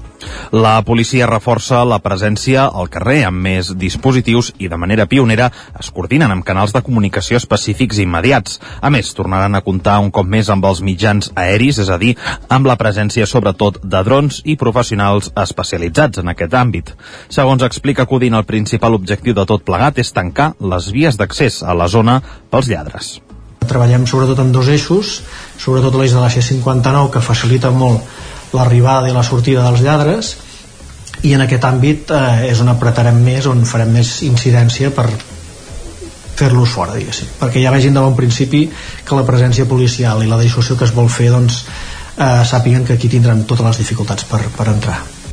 El fet que Mollà compti des d'aquest mateix dilluns, ho explicàvem aquí al territori 17 amb comissaria dels Mossos durant les 24 hores, ajudarà a reforçar aquesta coordinació. L'objectiu dels cossos policials és mantenir les xifres que han tingut aquest any. Els primers 10 mesos de 2023, segons les dades que tenen els Mossos a l'àrea bàsica policial de Caldes, s'han registrat un 28% menys de delictes si es compara amb el mateix període de l'any passat. En xifres absolutes, els, entre els 8 municipis s'ha passat de 258 robatoris a en un any a 186 en el que portem d'aquest 2023. Gràcies, Roger. Més qüestions encara al Vallès Oriental, nova edició del Mercat Vilapop, la qual enguany quedarà emmarcada en la Setmana Europea de Prevenció de Residus. Enric Rubio, Ràdio Televisió Cardedeu. L'Ajuntament de Sant Antoni de Vilamajor, a través de les regidories de Sostenibilitat i d'Economia Local, organitza una nova jornada del mercat de segona mà a Vilapop, amb la finalitat de promoure la venda d'objectes de segona mà i d'intercanvi dels mateixos per allargar la vida dels productes i generar menys residus. Aquesta cinquena edició, com deies, estarà emmarcada en la Setmana Europea de la Prevenció de Residus i es durà a terme el dissabte 18 de novembre de 10 a 2 a la plaça Montseny i als carrers Alfou i Santiago Rossinyol. El consistori ha comunicat que encara s'està a temps de que les persones interessades puguin posar-hi parada i que en cas que ho requereixin poden consultar les bases reguladores amb tota la informació i apuntar-se a través del WhatsApp o per correu electrònic que trobaran a la web de l'Ajuntament. Alhora, conviden a la gent a participar en el mercat Vilapop i treure al carrer tots aquells articles que no utilitzin, amb la finalitat d'intercanviar o vendre'ls a altres persones que en puguin fer ús i donar una segona vida. Gràcies, Enric. Més qüestions. Obrim plana cultural perquè es restaura un llibre del segle XV, el més antic que es conserva a l'arxiu històric de Sant Joan de les Abadesses. Ho explicàvem ahir a Lletra Ferits. Isaac Muntades, la veu de Sant Joan. Fa gairebé un mes que l'Arxiu Històric Municipal de Sant Joan de les Abadeses torna a comptar amb la documentació més antiga que conserva, les ordenances de l'abat Miquel i de l'any 1460 i el llibre del Mostassaf, el qual conté la normativa que regulava diverses activitats que tenien lloc al municipi des del 21 de maig del 1460 fins a l'1 de gener del 1773. Es tracta d'un llibre manuscrit de 48 folis de pergamí i de paper cosits en fil amb tapes de fusta recobertes de pell ferretejada i gofrada. Hi ha restes d'una antiga tanca metàl·lica decorada. El document, que havia patit una mullana antiga, ressecament i brutícia acumulada, va sotmetre's a un procés de conservació-restauració per assegurar la seva preservació per generacions futures, tal com explicava la tècnica de conservació i restauració de béns culturals, Magalí Anglada. El principal problema que es veia amb el llibre eren les cobertes de, que eren de pell. O sigui, és un llibre que està, les tapes són de fusta i està coberta de pell. Llavors el principal problema que tenia era que estava molt desgastada, o sigui la pell està formada per dues capes, la cara flor, que és la més externa que veiem nosaltres, i la, la carn, que és la interior. Llavors de la flor es conservaven molt, molt poques restes i inclús de les cantonades de, pel fregament només de manipular el llibre ja s'havia perdut aquesta pell. Mm. I llavors, respecte al bloc, una part eren fulls de pergamí i l'altra eren fulls de paper. I el pergamí és més resistent, llavors estava en més bones condicions que el paper. Tenia molts estrips, sobretot a les vores. De fet, el document ja havia estat prèviament tractat l'any 2000. Cal recordar que un pergamí està fet de pell d'animal tractada amb calç i que es deixa secar per tensió després de rascar-ne el pèl i les restes de carn. A més a més, és un material que reacciona molt amb els canvis d'humitat a l'ambient i com que estava ressec es va posar en una cambra d'humitat per agafar moviment. Els folis que presentaven auroles i taques fosques de grans dimensions a causa de l'antiga mullena també van ser tractats per estabilitzar la seva condició i prevenir danys addicionals. Durant la restauració també es va descobrir que petits fragments de pergamí que s'havien adherit per reforçar el llom també contenien manuscrits i s'havien separat per poder ser documentats. L'actuació, que es va fer entre els mesos d'agost i setembre d'enguany, va tenir un cost d'uns 2.600 euros, dels quals 1.300 van ser finançats pel Servei d'Arxius i Gestió de Documents de la Diputació de Girona. Gràcies, Isaac. I el Museu Episcopal de Vic, encara en plana cultural, signa un conveni de col·laboració amb l'Abadia de Montserrat, a través del qual es comprometen a realitzar projectes comuns i ja n'han presentat els dos primers, Sergi Vives, al 9FM. La primera iniciativa és que el MEP comissionarà dues exposicions dels mil anys de Montserrat, una al Museu del Monestir i l'altra al Palau Robert de Barcelona. Per fer-ho comptarà amb l'expertesa del conservador del Museu Episcopal, Marc Sureda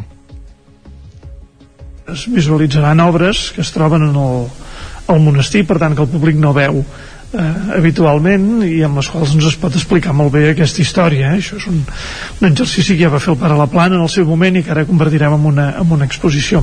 Explicar a Montserrat què ha estat en el passat, però sobretot què és avui, què representa, què ha representat per la cultura catalana, també per la identitat de Catalunya, amb el seu vessant d'entorn natural únic eh, i també del seu vessant espiritual. A l'exposició del Palau Robert, que Sureda comissionarà juntament amb Sergi Martín, no hi haurà obres d'art exposades, sinó que s'utilitzaran recursos digitals i tecnològics com a experiències immersives.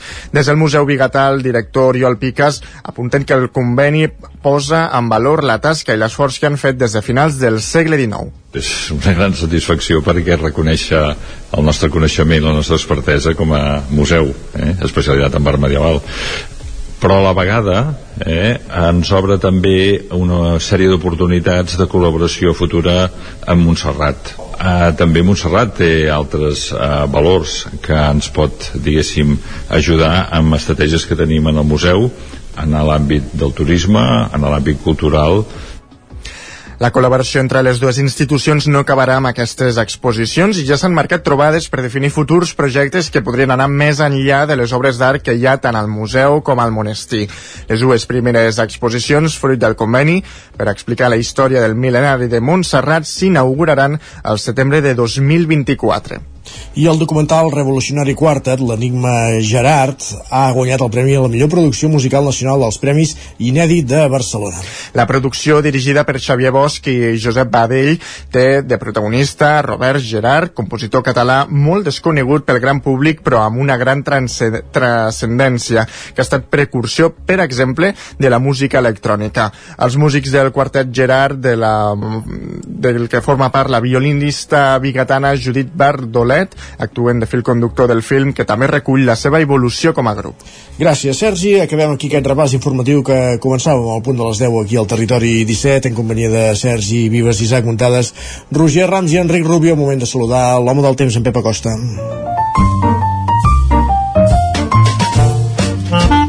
Casa Terradellos us ofereix el temps.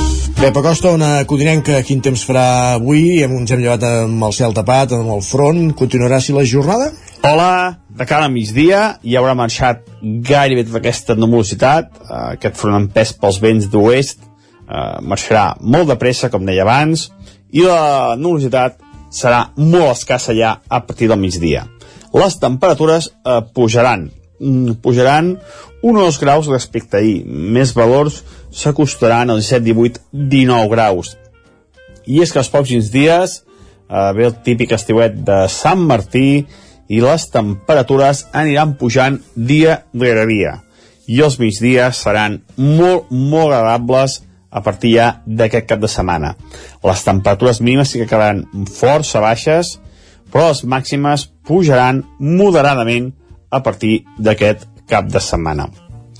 El que no tindrem són pluges, no hi ha manera, eh, després d'aquest front d'avui, eh, no se'n veu cap durant els pròxims dies, eh, la situació de sequera que s'agonitza, que es fa eh, cada cop més important i no es veu una solució eh, a curt i mig termini de cap manera, a tot el contrari, sinó que es veu pujar temperatures i molt, molt de sol.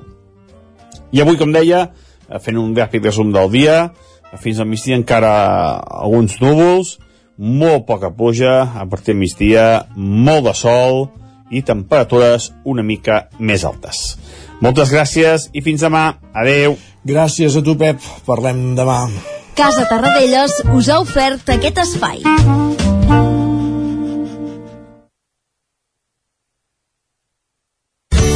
Territori 17. Envia'ns les teves notes de veu per WhatsApp al 646 079 023. 646 079 023. WhatsApp Territori 17.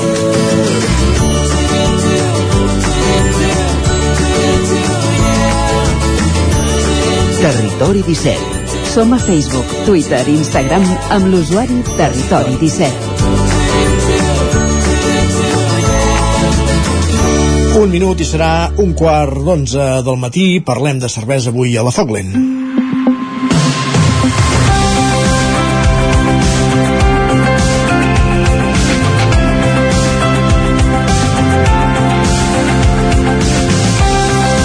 La Foglen, l'espai que cada setmana dediquem a la cuina, a la gastronomia, al producte. Avui eh, el protagonista és la cervesa i per una efemèride, Isaac Muntades, la veu de Sant Joan. Bon dia, Isaac. Doncs correcte, per una efemèride, ja que fa eh, aquest any, enguany, fa 10 anys de la creació de la cervesa artesana minera de Sant Joan de les Abadeses eh, i Ugassa, d'aquesta emblemàtica marca d'aquí de la comarca del Ripollès, i avui en volem parlar amb un dels seus cofundadors, en Jordi Mercè, que ens detallarà tot el que volem saber doncs, sobre la minera. Bon dia, Jordi, moltes gràcies per ser al Territori 17 amb nosaltres. Molt bon dia, moltes gràcies. Uh, sabem també que aquests dies, a més a més, uh, ja, ja no estàs tan, enfein, tan enfeinat. Ens ho comentaves ara fora de micro, que ja ha baixat una mica el, el punt àlgid eh, de la temporada. Uh -huh. uh, uh, ens agradi o no ens agradi el nostre producte és una mica estacional i quan arribem més o menys a aquestes èpoques sí que queda la campanya de Nadal que també és un, uh, un moment en què haurem de, de tornar a vendre una mica i tal però eh, ja anem una mica de capa caiguda que també de tant en tant també s'agraeix una mica i deixar enrere una mica l'estrès de tot l'estiu que sol ser la temporada alta per nosaltres i aprofitar per fer unes miques de vacances que això sempre sempre està bé. Va bé, eh, això de reposar en, entre cometes, eh, una mica. Uh, res, mira, et volia comentar per començar també aquest any de celebració d'aquesta efemèride dels 10 anys també va haver un, canvi important que volíem comentar uh, un moment amb tu, uh, a l'1 de juny uh, l'altre cofundador de l'empresa, en Josep Maria Anglada, es va acomiadar aquest projecte. Una mica què ha significat en Josep Maria per la, per la minera i, i bé, en tot cas, l'empresa segueix endavant i en plena forma, eh? Sí, eh, ja, eh, ara ja queda bastant lluny allò, aquell agost de 2013 que va començar a sortir la primera cervesa de, eh, de minera al mercat. Eh, han passat 10 anys, han passat moltes coses, mm, tanquem aquí el primer capítol aquest de, de, dels 10 anys i esperem que n'hi hagi algun més, no masses més perquè eh, no sé si masses més els podríem assumir de, de 10 anys però bueno, 10 anys següents eh, crec que sí que els podríem arribar a assumir. Eh, i bueno, havíem ser dos socis originals eh, enguany doncs un dels socis va decidir doncs eh, que els seus projectes doncs anaven per un camí paral·lel eh, en principi eh, s'ha desvinculat de la minera li desitgem que amb tots els seus eh, amb les seves inquietuds que té a hores d'ara doncs funcioni el millor i eh, minera queda mm, continuarà treballant eh, eh, fent més o menys el que us té, us té acostumats que bueno, intentem eh, mostrar productes intentar tenir una diversitat de productes intentar aportar coses noves, sempre jugant una mica en proximitat, amb totes aquestes coses i bàsicament eh, promovent una mica tot el que són els productes de, de proximitat, eh, de qualitat, que és la cervesa artesana del nostre país que gaudeix d'una molt bona salut. I en línia de tot això que apuntaves, eh, Jordi, per celebrar aquest desè aniversari, si no tenim malentès, heu creat una, una cervesa, com no podia ser d'altra manera. Eh, de quin producte es tracta? Ja està a la venda? Característiques? eh, cada vegada que nosaltres celebrem alguna cosa, si ho volem celebrar, celebrar per, eh, amb una mica eh, en majúscula, el que sabem fer és fer cervesa i solem fer algun producte especial. I aquesta vegada, home, 10 anys no es fan sempre. Eh, eh, sincerament fa molta il·lusió fer 10 anys i ja de cara a finals de l'any passat, més o menys ara aquesta data ja ens vam plantejar veure què volíem fer. Eh, el mes de gener ja ens hi varen posar i és una cervesa que doncs a hores d'ara té això 10 mesos de vida. Eh, hi ha certes cerveses que necessiten una mica d'evolució. Això són cerveses que eh, per exemple fa eh, 9, 8, 7 anys ni ens imaginaven que poguessin fer. Són cerveses ja una mica més complexes tant de gust com de, de, de, fabricació i aquí en aquest cas doncs, bueno, és una cervesa que certament és una mica, una mica alcoholitzada arriba a quasi bé als 10 graus 9 i mig eh, és una cervesa que bueno, es mou una mica en els estils que nosaltres ens sentim còmodes i que realment ens agraden molt, que és els estils belgues. És una brun belga, eh, d'un color ja una mica, sense ser negre, però ja és una mica més fosquet, amb una gamma de gustos, de reglècies, de panses, de prunes, de mels, i llavors, com que l'ocasió submergia, eh, no ens vam parar aquí, sinó que vam dir, bueno, acabem de donar-li un tom, i el tom doncs va ser agafar un rom que la gràcia que vam fer va ser que és un rom que té 10 anys uh mhm. -huh. i el que volíem fer era que pensar que en el moment en què es destilava el rom que aquest rom es va destil·lar a Cuba eh, nosaltres estàvem fent la fàbrica aquest rom ha anat evolucionant nosaltres com a cervesers també hem anat evolucionant i al final de tot els hem ajuntat i això, aquest rom és el que està introduït amb, amb enceralls de fusta aquí dintre la cervesa i li acaba de donar una complexitat i una història bastant divertida. És una cervesa que mm, ara acabem la campanya de, de tardor, la vam acabar la setmana passada perquè bàsicament són les festes aquestes de, de castanyada i tot això i eh, ara en breu està a punt de sortir al mercat sortirà suposo la setmana que ve i ja tothom la podrà començar a comprar i gaudir-la a les festes de Nadal. Mm. Introduir, el, ah, ah, perdona, introduir el rom amb encenalls de fusta ho has dit molt, molt, molt ràpidament m'agradaria sí. aturar-me aquí què vol dir això exactament? Bueno, això vol dir que eh, quan tu vols introduir un, un licor, per exemple, en un producte com la cervesa, eh, ho pots fer de diverses maneres. La més fàcil que se'ns acudeix a tots és que si el rom, tothom sap que ha estat a dintre en barriques durant molt de temps, aquella barrica queda per la part de dintre, diguéssim, sucada d'aquest producte, llavors tu quan treus aquest producte i n'hi afegeixes una altra, eh, el que passa és que els poros de la part interior de la fusta el que fan és haver-hi un intercanvi. I entra el nou producte i en surt el rom. I aconsegueixes que tot el que hi ha dintre a la cervesa doncs quedi impregnada d'aquell gust de rom. Això seria la manera de fer-ho amb, amb barrica.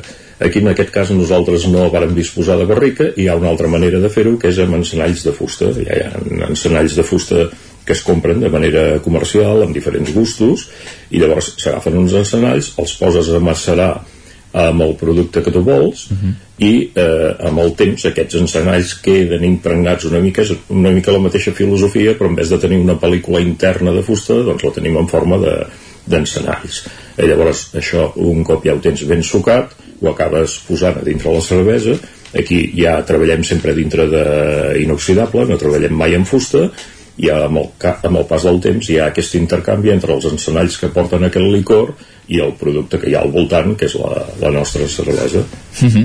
ah, no sé si han canviat uh, molt els processos d'elaboració, Jordi, en aquests 10 anys, els espais on heu treballat. També ara comentaves uh -huh. això, evidentment, uh, aquesta cervesa especial no l'haguéssiu pogut fer uh, sí. el primer dia, eh? m'ho deies abans. Uh, uh, el món de la cervesa uh, artesana heu de pensar que és un món molt nou. Jo sempre explico, a vegades quan faig tastos i a vegades xerrades i tal, que possiblement a hores d'ara hi ha un personatge que és molt probable que sigui per la zona dels Estats Units perquè actualment allà estan malalts pel món de la cervesa, que en aquests moments deu estar fent una cosa molt rara, potser al garatge de casa seva, i potser d'aquí dos anys tots n'acabarem parlant i ho acabarem reproduint a les nostres cerveseries. És un món que és, eh, està constantment en evolució. Eh, llavors això què vol dir? Doncs bueno, vol dir que des de que nosaltres vàrem començar, si més no comercialment parlant, eh, aquest 2013, mm, les cerveses que fèiem ja, ja que fos per una banda pel nostre aprenentatge i després per el món general de la cervesa han anat evolucionant molt en aquell moment no hi havia neipes per exemple ara estan a, la, a, a primer ordre ha anat evolucionant molt tot el món tant en complexitat com en diferències diguéssim de gustos, ara es porten unes altres coses que uh -huh. no es mhm. portaven el 2013 que era molt habitual que qualsevol cerveseria per exemple tragués una cervesa de blat ara és molt poc habitual que una cerveseria nova comenci i tregui com a emblema una cervesa de blat, que no diem que no està bona, no passa res, però diguem que els gustos han anat evolucionant bastant. -huh. En aquests 10 anys també heu fet coses des de la cervesa minera. Uh, hi ha el tema del tap room, que ara està tancat, també és uh -huh. una de les coses que heu eh, fet a, en aquests anys, eh? Sí, eh, bueno, inevitablement en 10 anys porten, eh, el camí porta per molts llocs, eh, hem anat evolucionant molt eh, la manera de fer, la manera de presentar els nostres productes, han sortit les cerveses de temporada que estem traient eh, un cop cada estació, traiem coses de temporada i, i també una de les coses que es va fer va ser un tap room que en aquests moments, bueno, en aquests moments no, eh, no funciona i que mm, intentarem recollir una mica tota aquesta eh, aquesta informació que també vàrem agafar d'allà dalt, no mm -hmm. descartem donar-li una volta però de moment no serà amb la forma de, de tap room que vàrem conèixer eh, aquest estiu, tot i que va ser una experiència molt divertida perquè bueno, és un lloc que és bastant interessant perquè tots els teus possibles consumidors doncs, coneguin i puguin gaudir dels teus productes. Uh -huh. El que també hem anat veient durant aquests 10 anys és que heu anat recollint molts premis. Eh, et quedes amb algun en concret, algun que faci especial il·lusió? Uh, sí, bueno, ja... Uh, tots acabem dient, i em sembla que jo sóc el primer, que això dels premis tampoc no són tan importants, però quan te'ls donen, hosti, arriba un moment que sí, que, que et fan il·lusió eh, nosaltres, bueno, què hem guanyat? Doncs, bàsicament, n'hi ha, um, hem guanyat eh, diferents certàmens, diferents coses, per exemple, aquesta cervesa que us deia de, del desè aniversari la vàrem treure en primícia amb una, amb una fira que també es fa un concurs que és bastant coneguda de per aquí, per aquí dalt aquestes nostres terres, que és el porc i la cervesa, i vam guanyar el primer premi i ens, bueno, vam estar molt contents i tal i tothom la va, la va elogiar bastant eh, però així de premis poder que portin més noms i cognoms. Hem guanyat algun, alguna menció al BBF que això està molt bé però jo potser si m'haguéssiu de dir de quedar-me un mmm, jo sóc molt, molt devot dels Premis de Girona Excel·lent. Aquí nosaltres estem a comarques de Girona eh, les comarques de Girona, la Diputació de Girona. Una de les feines que fa és eh, promocionar i fer d'altaveu dels petits productors agroalimentaris que hi ha a la zona Llavors hi ha diferents categories, no només cervesa i vins, sinó que també hi ha malvalades, conserves, anxoves, el que sigui, mm, i tu pots entrar allà, es donen uns premis de forma bianual, i aquests premis, eh, tu et donen el premi, el premi no és res, el premi és, si tu tens ganes de promocionar el teu producte, tranquil, que t'ho posarem fàcil, però a partir d'aquí ves fent-ho, és aquest el premi. I, per exemple, bueno, nosaltres en la tercera edició amb la minera de Bet en vam guanyar un, a la quarta edició amb la Gold Rush. Vam guanyar i, aquest, i enguany, que és la cinquena edició hem tornat a revalidar amb la Gold Rush. Això que ens permet, doncs ens permet promocionar bastant els nostres productes i per exemple, doncs un cas bastant evident és que aquests tres darrers dies, dilluns, dimarts, dimecres vàrem estar al Fòrum Gastronòmic de Barcelona amb l'estat de de Girona excel·lent, promocionant, fent tastos i tot això eh, I això és important eh, allà, i tant. Jordi, eh, eh, se'ns acaba el temps però tenim moltes coses al tinter. Si no et sap greu, eh, fem una petita pausa de 3 minuts i reprenem la, la conversa eh, perquè tenim moltes coses encara pendents per, per demanar-te. Cap problema fem una petita pausa aquí al Territori 17 com cada dia ara just abans de dos quarts i a dos quarts en punt tornem amb en Jordi Mercè de la cervesa minera de Sant Joan de les Abadesses i Ugassa El nou FM, la ràdio de casa, al 92.8. Mare meva, s'acosta el moment de fer riquití. Mama Duixa ens presenta Ritiki. Mama Duixa és el pseudònim de Bruno Fabrizi. El barceloní Mama Duixa veu de la música urbana, però també veu de la cançó d'autor. La fusió dels dos gèneres donen fruit a unes cançons originals, tendres i amb molt de ritme. Mare meva, s'acosta el moment de fer.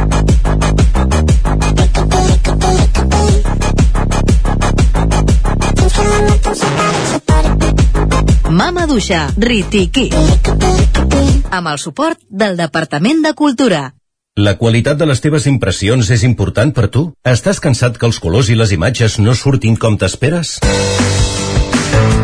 A Impremta Mater disposem de la tecnologia més avançada i els millors professionals per aconseguir impressions d'alta qualitat. Fem tota classe d'impresos amb acabats professionals. Llibres, catàlegs, revistes, tesis, calendaris, enquadernacions... I a més, disposem del servei d'impressió digital en gran format, roll-ups, lones, pòsters i molt més. Impremta Mater. Ens trobaràs a la carretera de Sant Hipòlit 23 de Vic o impremtamater.com. T'imagines un programa de política, d'economia, feina... Doncs ja te'n pots oblidar. Quin tinglado! Un programa d'entreteniment, actualitat, cultura i molt rigorós. Amb Bata Serrat, Miquel Giol i Eudal Puig. Un programa que no passarà a la història i que tampoc guanyarà cap ondes. No ens flipem. Escolta'l cada dijous en directe de 8 a 9 del vespre al 9 FM. Ai, ai, ai, quin tinglado! L'infopodcast del 9-9 amb Sílvia Pedret. Cada dia et donem les claus de les notícies més rellevants de casa nostra. Vivim en una comarca que s'està demostrant pionera en trans... Desperta't cada dia amb l'infopodcast del 9-9. Aquesta setmana tornen a ser notícia els pantans perquè han baixat... El trobaràs a dos quarts de vuit del matí al 99.cat, Spotify, iVox i, si ho vols, te l'enviem directament al mòbil. Subscriu-te als canals de WhatsApp i Telegram del 99. Soc Sílvia Pedret. Comencem. Cocodril Club. Si t'agrada la bona música dels anys 60, 70 i 80, escolta el 9 FM als matins de dissabtes i diumenges d'11 a 1. És el temps del Cocodril Club, tot un clàssic de la ràdio, amb les bases del pop-rock, les llegendes, les cançons que s'han convertit en autèntics himnes. Recorda, dissabtes i diumenges al matí, d'11 a 1, al 9 FM 92.8. Cocodril Club, el programa revival de l'Albert Malla. Hasta luego, cocodrilo.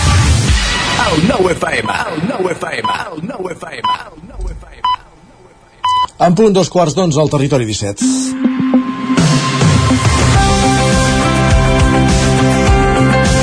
I reprenem, continuem a la Foc Lent, l'espai que cada setmana dediquem a la cuina, a la gastronomia, al producte, avui parlant de la cervesa minera de Sant Joan de les Abadesses, que celebra el seu desè aniversari, en companyia de l'Isaac Muntades, a la veu de Sant Joan, que alhora està acompanyat d'en Jordi Mercè, que és un dels fundadors d'aquesta companyia cervesera, que, com dèiem, celebra 10 anys, i ara, just abans de la pausa, parlàvem de, de la importància de, de, dels premis. Isaac, Sí, i reprenem, si et sembla, abans també hem parlat doncs, que la cervesa minera fa diverses cerveses durant l'any, Uh, i ara per la temporada d'hivern també evidentment doncs, hi ha una cervesa especial que ja s'ha fet en, en altres anys eh? no és d'aquest any però vull dir, explica'ns una mica Jordi que...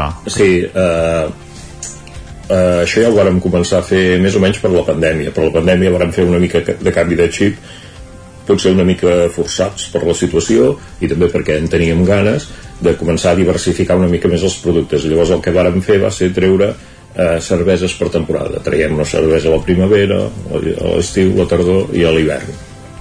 La de tardor ja ha passat, que és una cervesa en carbassa que fem sempre i que bueno, a la gent agrada bastant i és una cervesa que en els llocs que realment hi ha cultura cervesera eh, se segueix bastant i la gent la busca bastant. I ara de cara a l'hivern també és eh, veritat, suposo que sí, més o menys el, els oients que ens vagin sentint que estan una mica endinsats en aquest món es troben que hi ha moltes cerveseries de tall més tradicional que treuen les seves o Winter Ales o Christmas Ales que són cerveses que estan pensades especialment per les festes de Nadal o fins i tot per tota la campanya d'hivern. I solen respondre a cerveses una mica més alcoholitzades, una mica més fosques eh, una mica més espaciades, més eh, mm, bueno, que acompanyen una mica més amb aquest temps una mica més fred. I nosaltres també la traiem i això estarà a punt de sortir eh, més o menys d'aquí un mes. Això és just abans de Nadal. Quina producció heu fet, Jordi, aquest any de, de cervesa eh, a nivell de, de volum? I, i... Bueno, eh, nosaltres eh, heu de pensar que som una cerveseria molt petitona eh, no som a l'Adam ni molt menys, tampoc ens agradaria semblar-nos ni per lo bo, ni, bueno, per lo bo poder sí però per lo dolent segurament que no. Eh, som una cerveseria molt petitona els nostres processos encara estan bastant eh, són bastant manuals i tal. Eh, nosaltres acabem fent una producció més o menys aproximadament d'uns 30.000 litres l'any. És el que acabem fent la majoria dels litres nosaltres els acabem posant en ampolla. Mm, potser si fóssim eh, una cerveseria que estiguéssim situats més cap a la zona metropolitana, metropolitana allà tens oportunitats més de punxar en bars especialitzats i, i generalment o, els companys que tenim allà baix doncs, eh, acaben decantant-ho tot més cap a barril nosaltres ens dediquem molt més a l'ampolla que ens és molt més fàcil per aquestes comarques que, que rodem nosaltres de promocionar els nostres, els nostres productes Però l'important és que aquests 30.000 litres es venguin, que, i això sí que passa, no? Sí, sí, sí, sí, sí, sí. Òbviament nosaltres eh, fabriquem entre cometes sota demanda. Bueno, sota demanda vol dir que eh, nosaltres anem fabricant i a mesura que es van acabant els lots de les referències que tenim actives en aquell moment en fabriquem un de següent. No té cap mena de sentit anar fabricant més coses. Primer perquè no sabríem on posar-ho el producte ha d'estar en unes zones amb temperatura controlada no sabríem on podríem posar-ho i també no seria massa intel·ligent per part nostra anar, anar posant magatzem allà esperant que algun bon dia ho vendríem Doncs és l'experiència de la cervesa minera de Sant Joan de les Abadesses i Ugassa, la minera, que celebra el desè aniversari. Eh, hem, parlat, hem fet balanç d'aquests 10 anys, hem parlat de futur amb un dels seus fundadors, en Jordi Mercè. Gràcies per acompanyar-nos i que, que continuïn anant molt bé aquest projecte. Moltes gràcies. Bon dia. Gràcies també, Isaac. Bon dia. Fins ara. Avancem al territori 17. Després de parlar de cervesa, és moment d'endinsar-nos al món d'X, de les xarxes socials, al món de Twitter.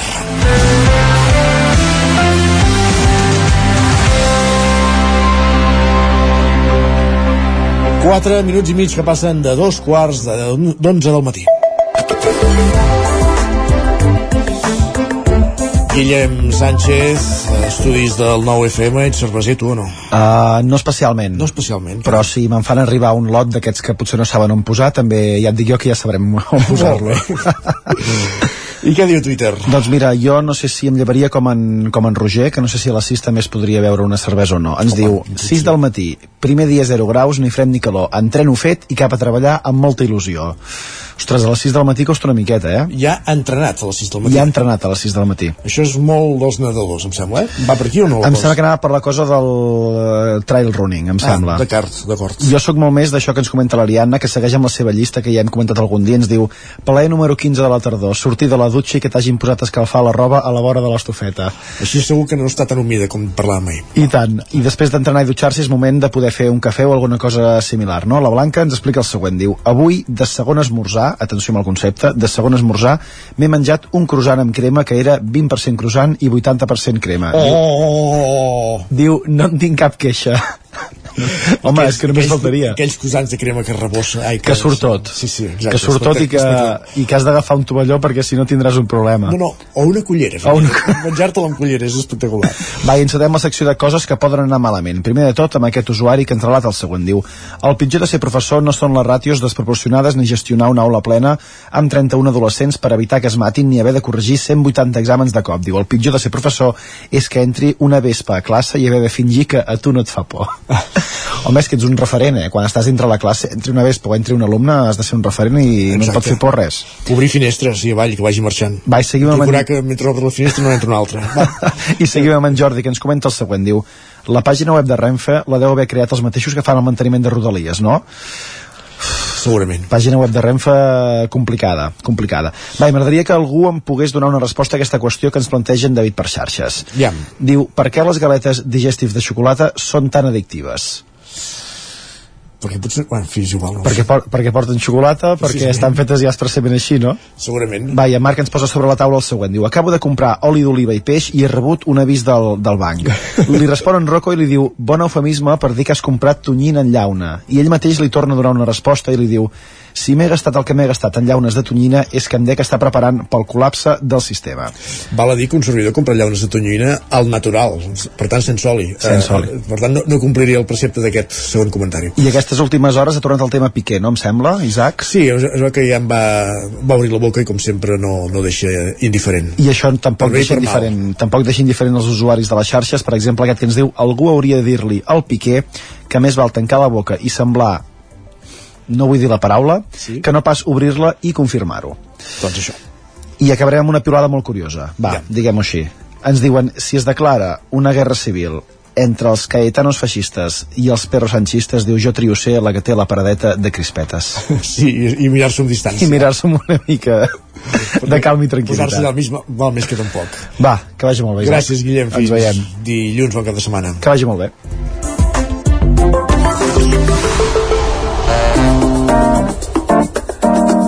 Territori 17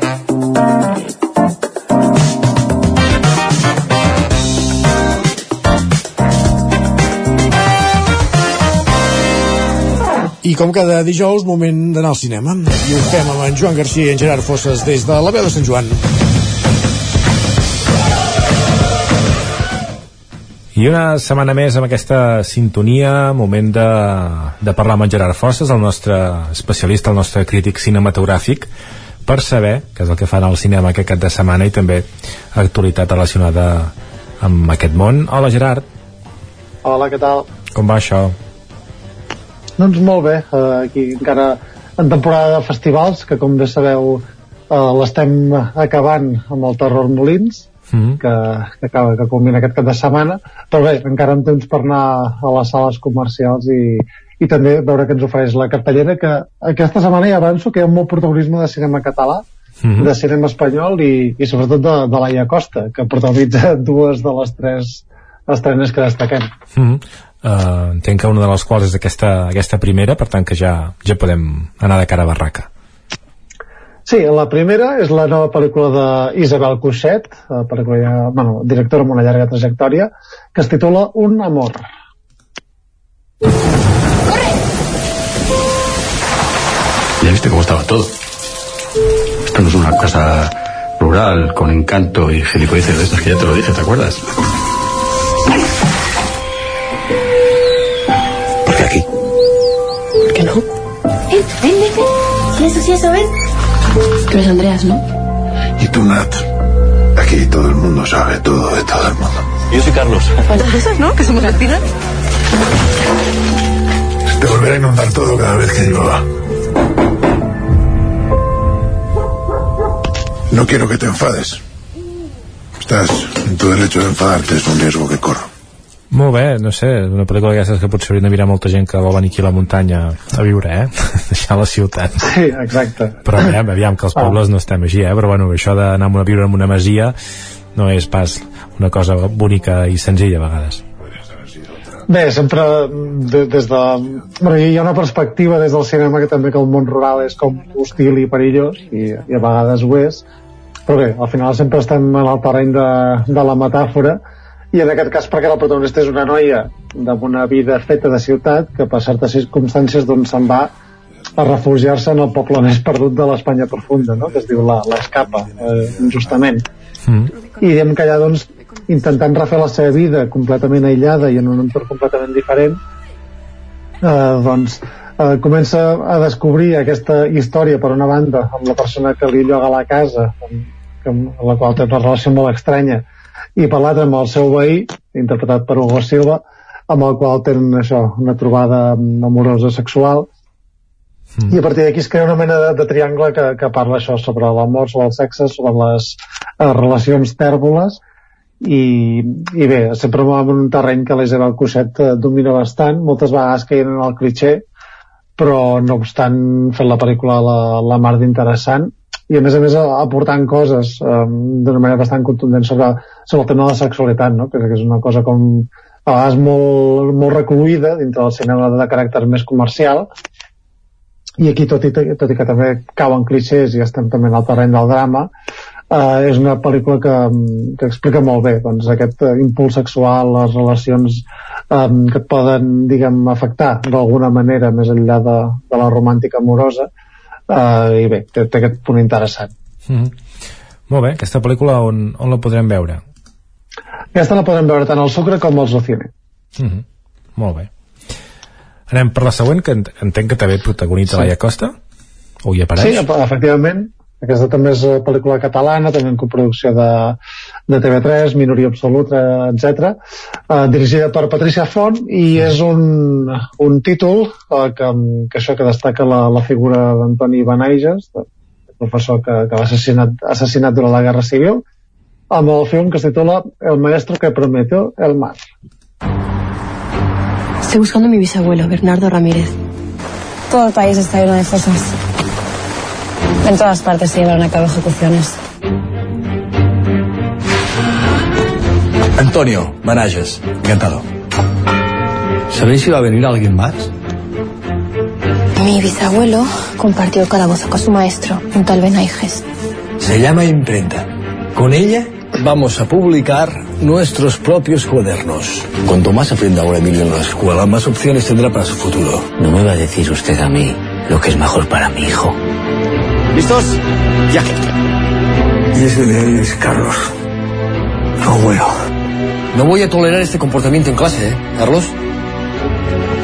Molt bé. Uh, que bé, no? Un futur on... O, un futur, en aquest cas, un passat. Però vaja, una pel·lícula on pots fer gala del teu accent castellà. Uh, Sí, sí, meravellós. Mm. Però bé, és uh, això, està centrat en, en aquesta figura d'Enric Auqué, que per cert, um, uh, Laia Costa no, uh, no és la que fa el paper d'Antoni Benaiges, encara no som tan progres, és, és el lector Enric Auqué, um, tot i que bé, és una història que, que es construeix al voltant de- d'un flashback, Mhm. Uh, parla sobre aquest tema de la memòria històrica, de, de l'exhumació de cadàvers i el fet d'identificar les restes. Uh, recordem que Antoni Benaiges va ser enterrat en una fosa comú i encara no, no s'ha- no s'han trobat els seus restes. I bé, aquesta protagonista és Laia Costa, que acompanya el seu avi um, això, a, a buscar un, restes de, de familiars i um, quan arriba a Burgos és on comença a conèixer la, la història d'aquest professor doncs això, mètodes uh, pedagògics molt innovadors i, i que va ser insp- inspirador per, per molta gent. Mm. uh, el títol de la pel·lícula prové d'aquesta anècdota més coneguda de, que va agafar un quadern i els va prometre als seus alumnes que anirien a veure el mar, una cosa que no havien vist mai perquè a Burgos eh, pel seu, molt seu pesar no hi ha platja. I, i bé, doncs els hi va fer com descriure com s'imaginaven el mar. I aquest es va convertir en una, en una, com una cita molt cèlebre un document molt cèlebre de, de l'època i això és el, el fil argumental o, o el punt de partida d'aquesta pel·lícula Mm -hmm. Molt bé, perfecte. En... Això, aquest professor que va ser mort per, per gent que puto defensava Espanya, no? Entenc? Sí, exacte, sí, sí. És uh, un, un, un republicà declarat, també publicant amb, amb mitjans uh, molt republicans i va ser assassinat molt al principi de, de la Guerra Civil. Mm. Molt bé, mm, pel·lícula que podem veure, eh? També el Sucres i el Locine, que tenim que hi ha, aquesta setmana, perdó, que hi ha menys oferta de, diguem, de cinema internacional, sembla que hi ha una aposta més forta pel, pel cinema produït aquí. Molt bé. La següent estic segur que també es podrà veure als dos cinemes. Sí, exacte, tot i que ja no sé quin és l'interès que desperta, però, però vaja, estem parlant de la nova pel·lícula de Marvel que es titula The Marvels. Carol Danvers, la hija pródiga de la Vía Láctea. Nick Furia, mi hombre favorito de un solo ojo. ¿Qué tal todo por ahí? Ah, ya sabes, hace frío, no hay aire. El espacio.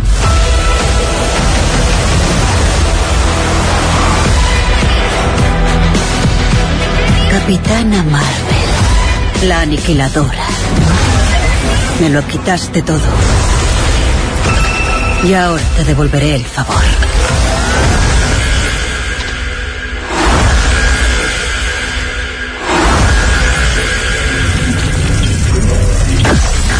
Veig que la Capitana Marvel fa front a una venjança, no? I no, no, ho fa, no ho fa sola per això, no? Sí, efectivament, per això es titula The Marvels, aquí ve acompanyada um, de dos personatges femenins també, una que prové de, de les sèries de televisió, uh, em sembla que ja apareixia per primera vegada, si no recordo malament, a, a WandaVision, i l'altra és per aquesta Miss Marvel que apareix a, a la segona pel·lícula del Doctor Extraño. Uh, està mirant en un terreny molt i també, recombolès. I també en una sèrie, no? Em sembla que les dues també no venen de, de sèries. Jo crec que sí que, que, que, que una de les sèries de Marvel era d'aquesta noia eh, que entenc que és, que és llatina, no? Que, que també té poders. i Em sembla que, que també hi ha una sèrie d'això, sí. Ostres, no, no sé si ja té sèrie pròpia o no, però també connecta justament amb la sèrie que van estrenar fa poc de Secret Invasion, protagonitzada per, per Samuel L. Jackson. Sí, que, que estem ja en el territori de que s'ha d'anar amb la brújula i el mapa a veure els films de Marvel.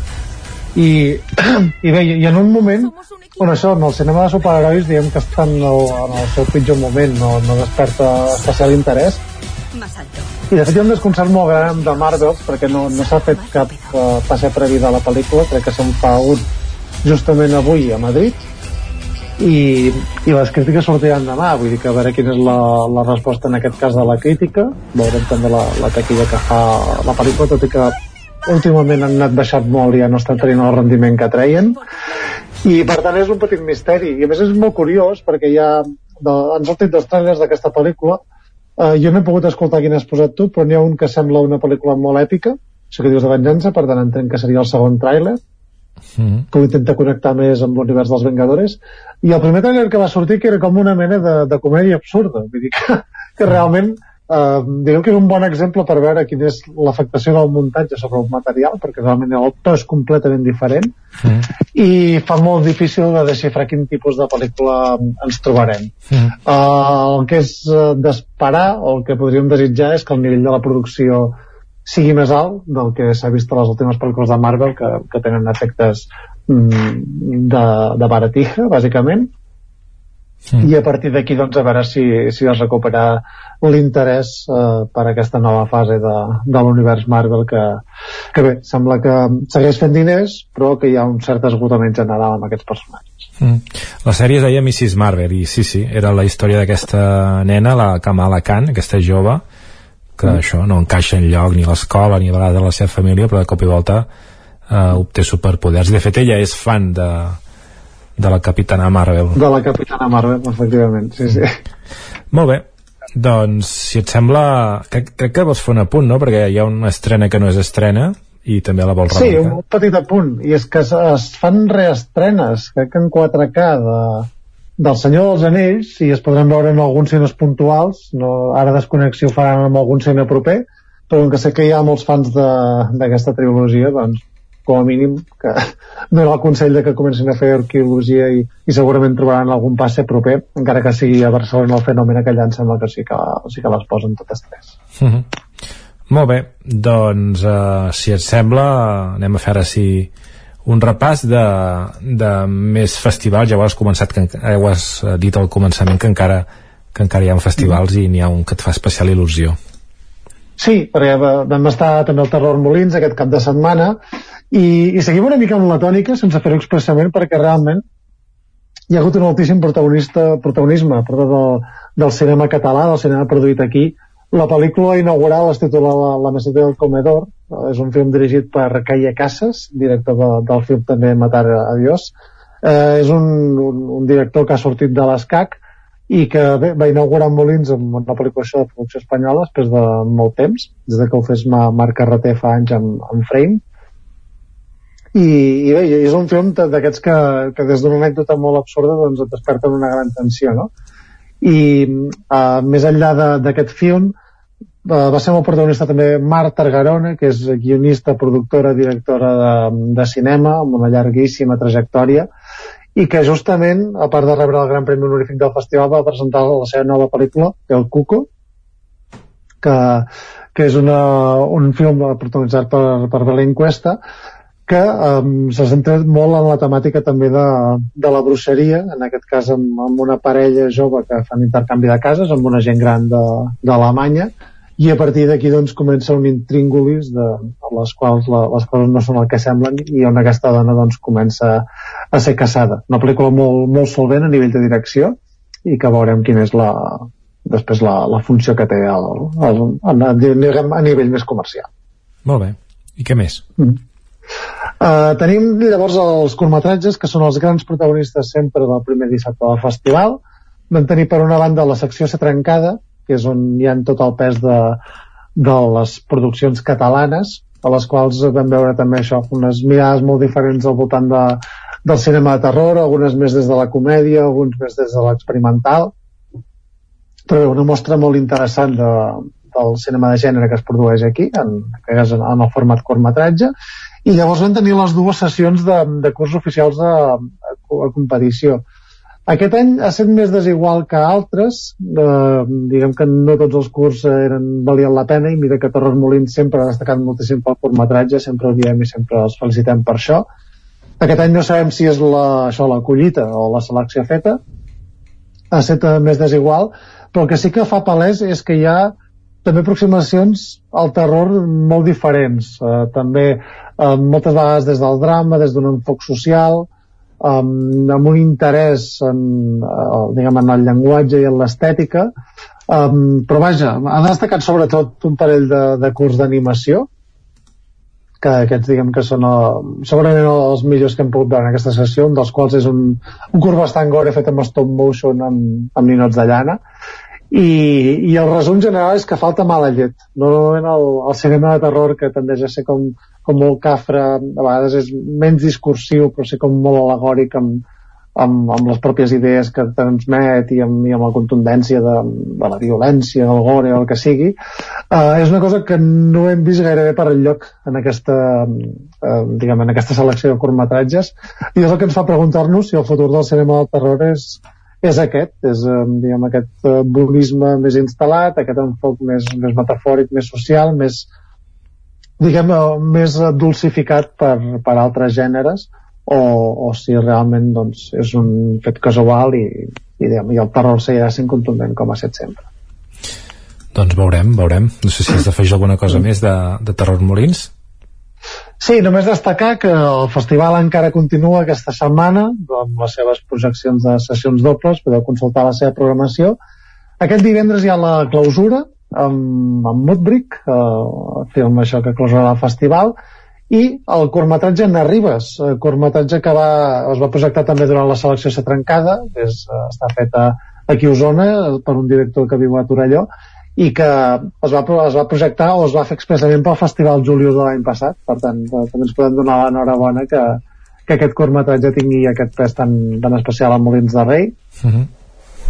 I finalment per últim destacar la Bona, marató per, per, per dir el nom, crec que és en Ferran Carbonell, pot ser? Ferran Carbonell, sí, exacte, Ferran Carbonell, que ara no, no em sortia el nom, el nom i dic, mira, passaré ràpid i ja està. Mhm. O sigui, en Ferran Carbonell que, que em perdoni. Uh, i això, i destacar sobretot el dissabte la marató de, de les 16 hores de terror, que, de terror aquest any que compleixen el, el seu 50è aniversari.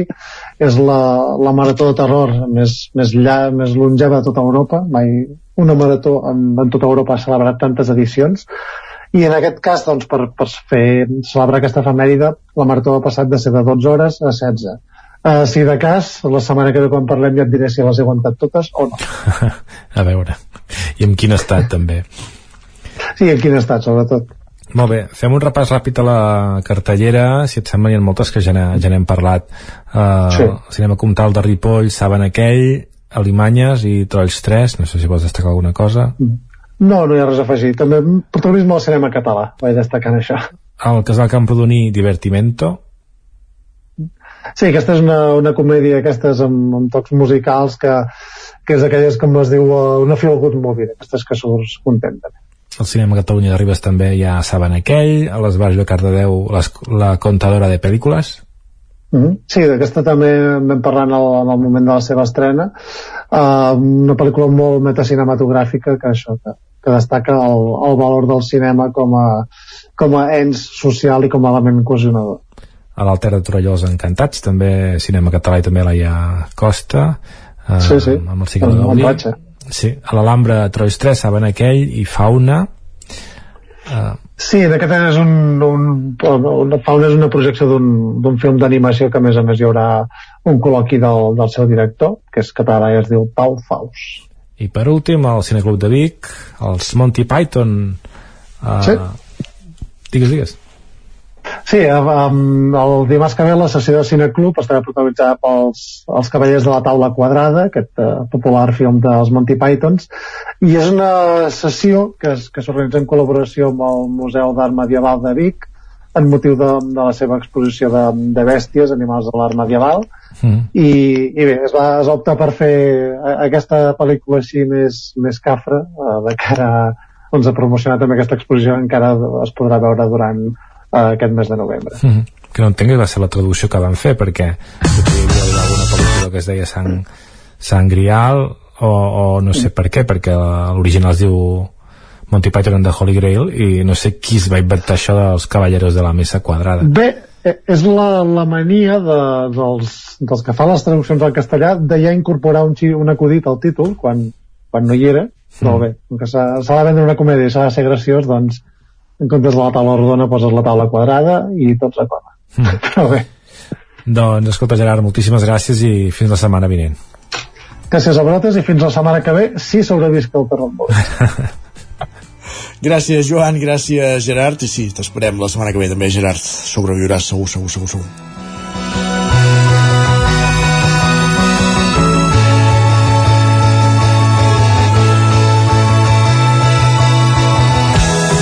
I amb el cinema posem punt i final al Territori 17 d'avui dijous 9 de novembre, un Territori 17 que començàvem fa pràcticament dues hores a les 9 del matí, en el qual us hem acompanyat en Roger Rams, l'Enric Rubio, en Miquel Giol, en Pepa Costa, l'Isaac Muntades, en Gerard Fosses, en Joan Garcia, en Sergi Vives i qui us parla, Isaac Moreno.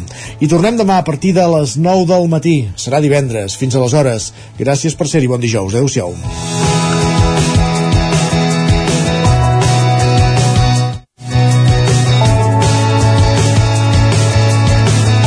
Territori 17, un magazín del nou FM, Ona Codinenca, Ràdio Cardedeu, Ràdio Vic i La Veu de Sant Joan, amb el suport de la xarxa.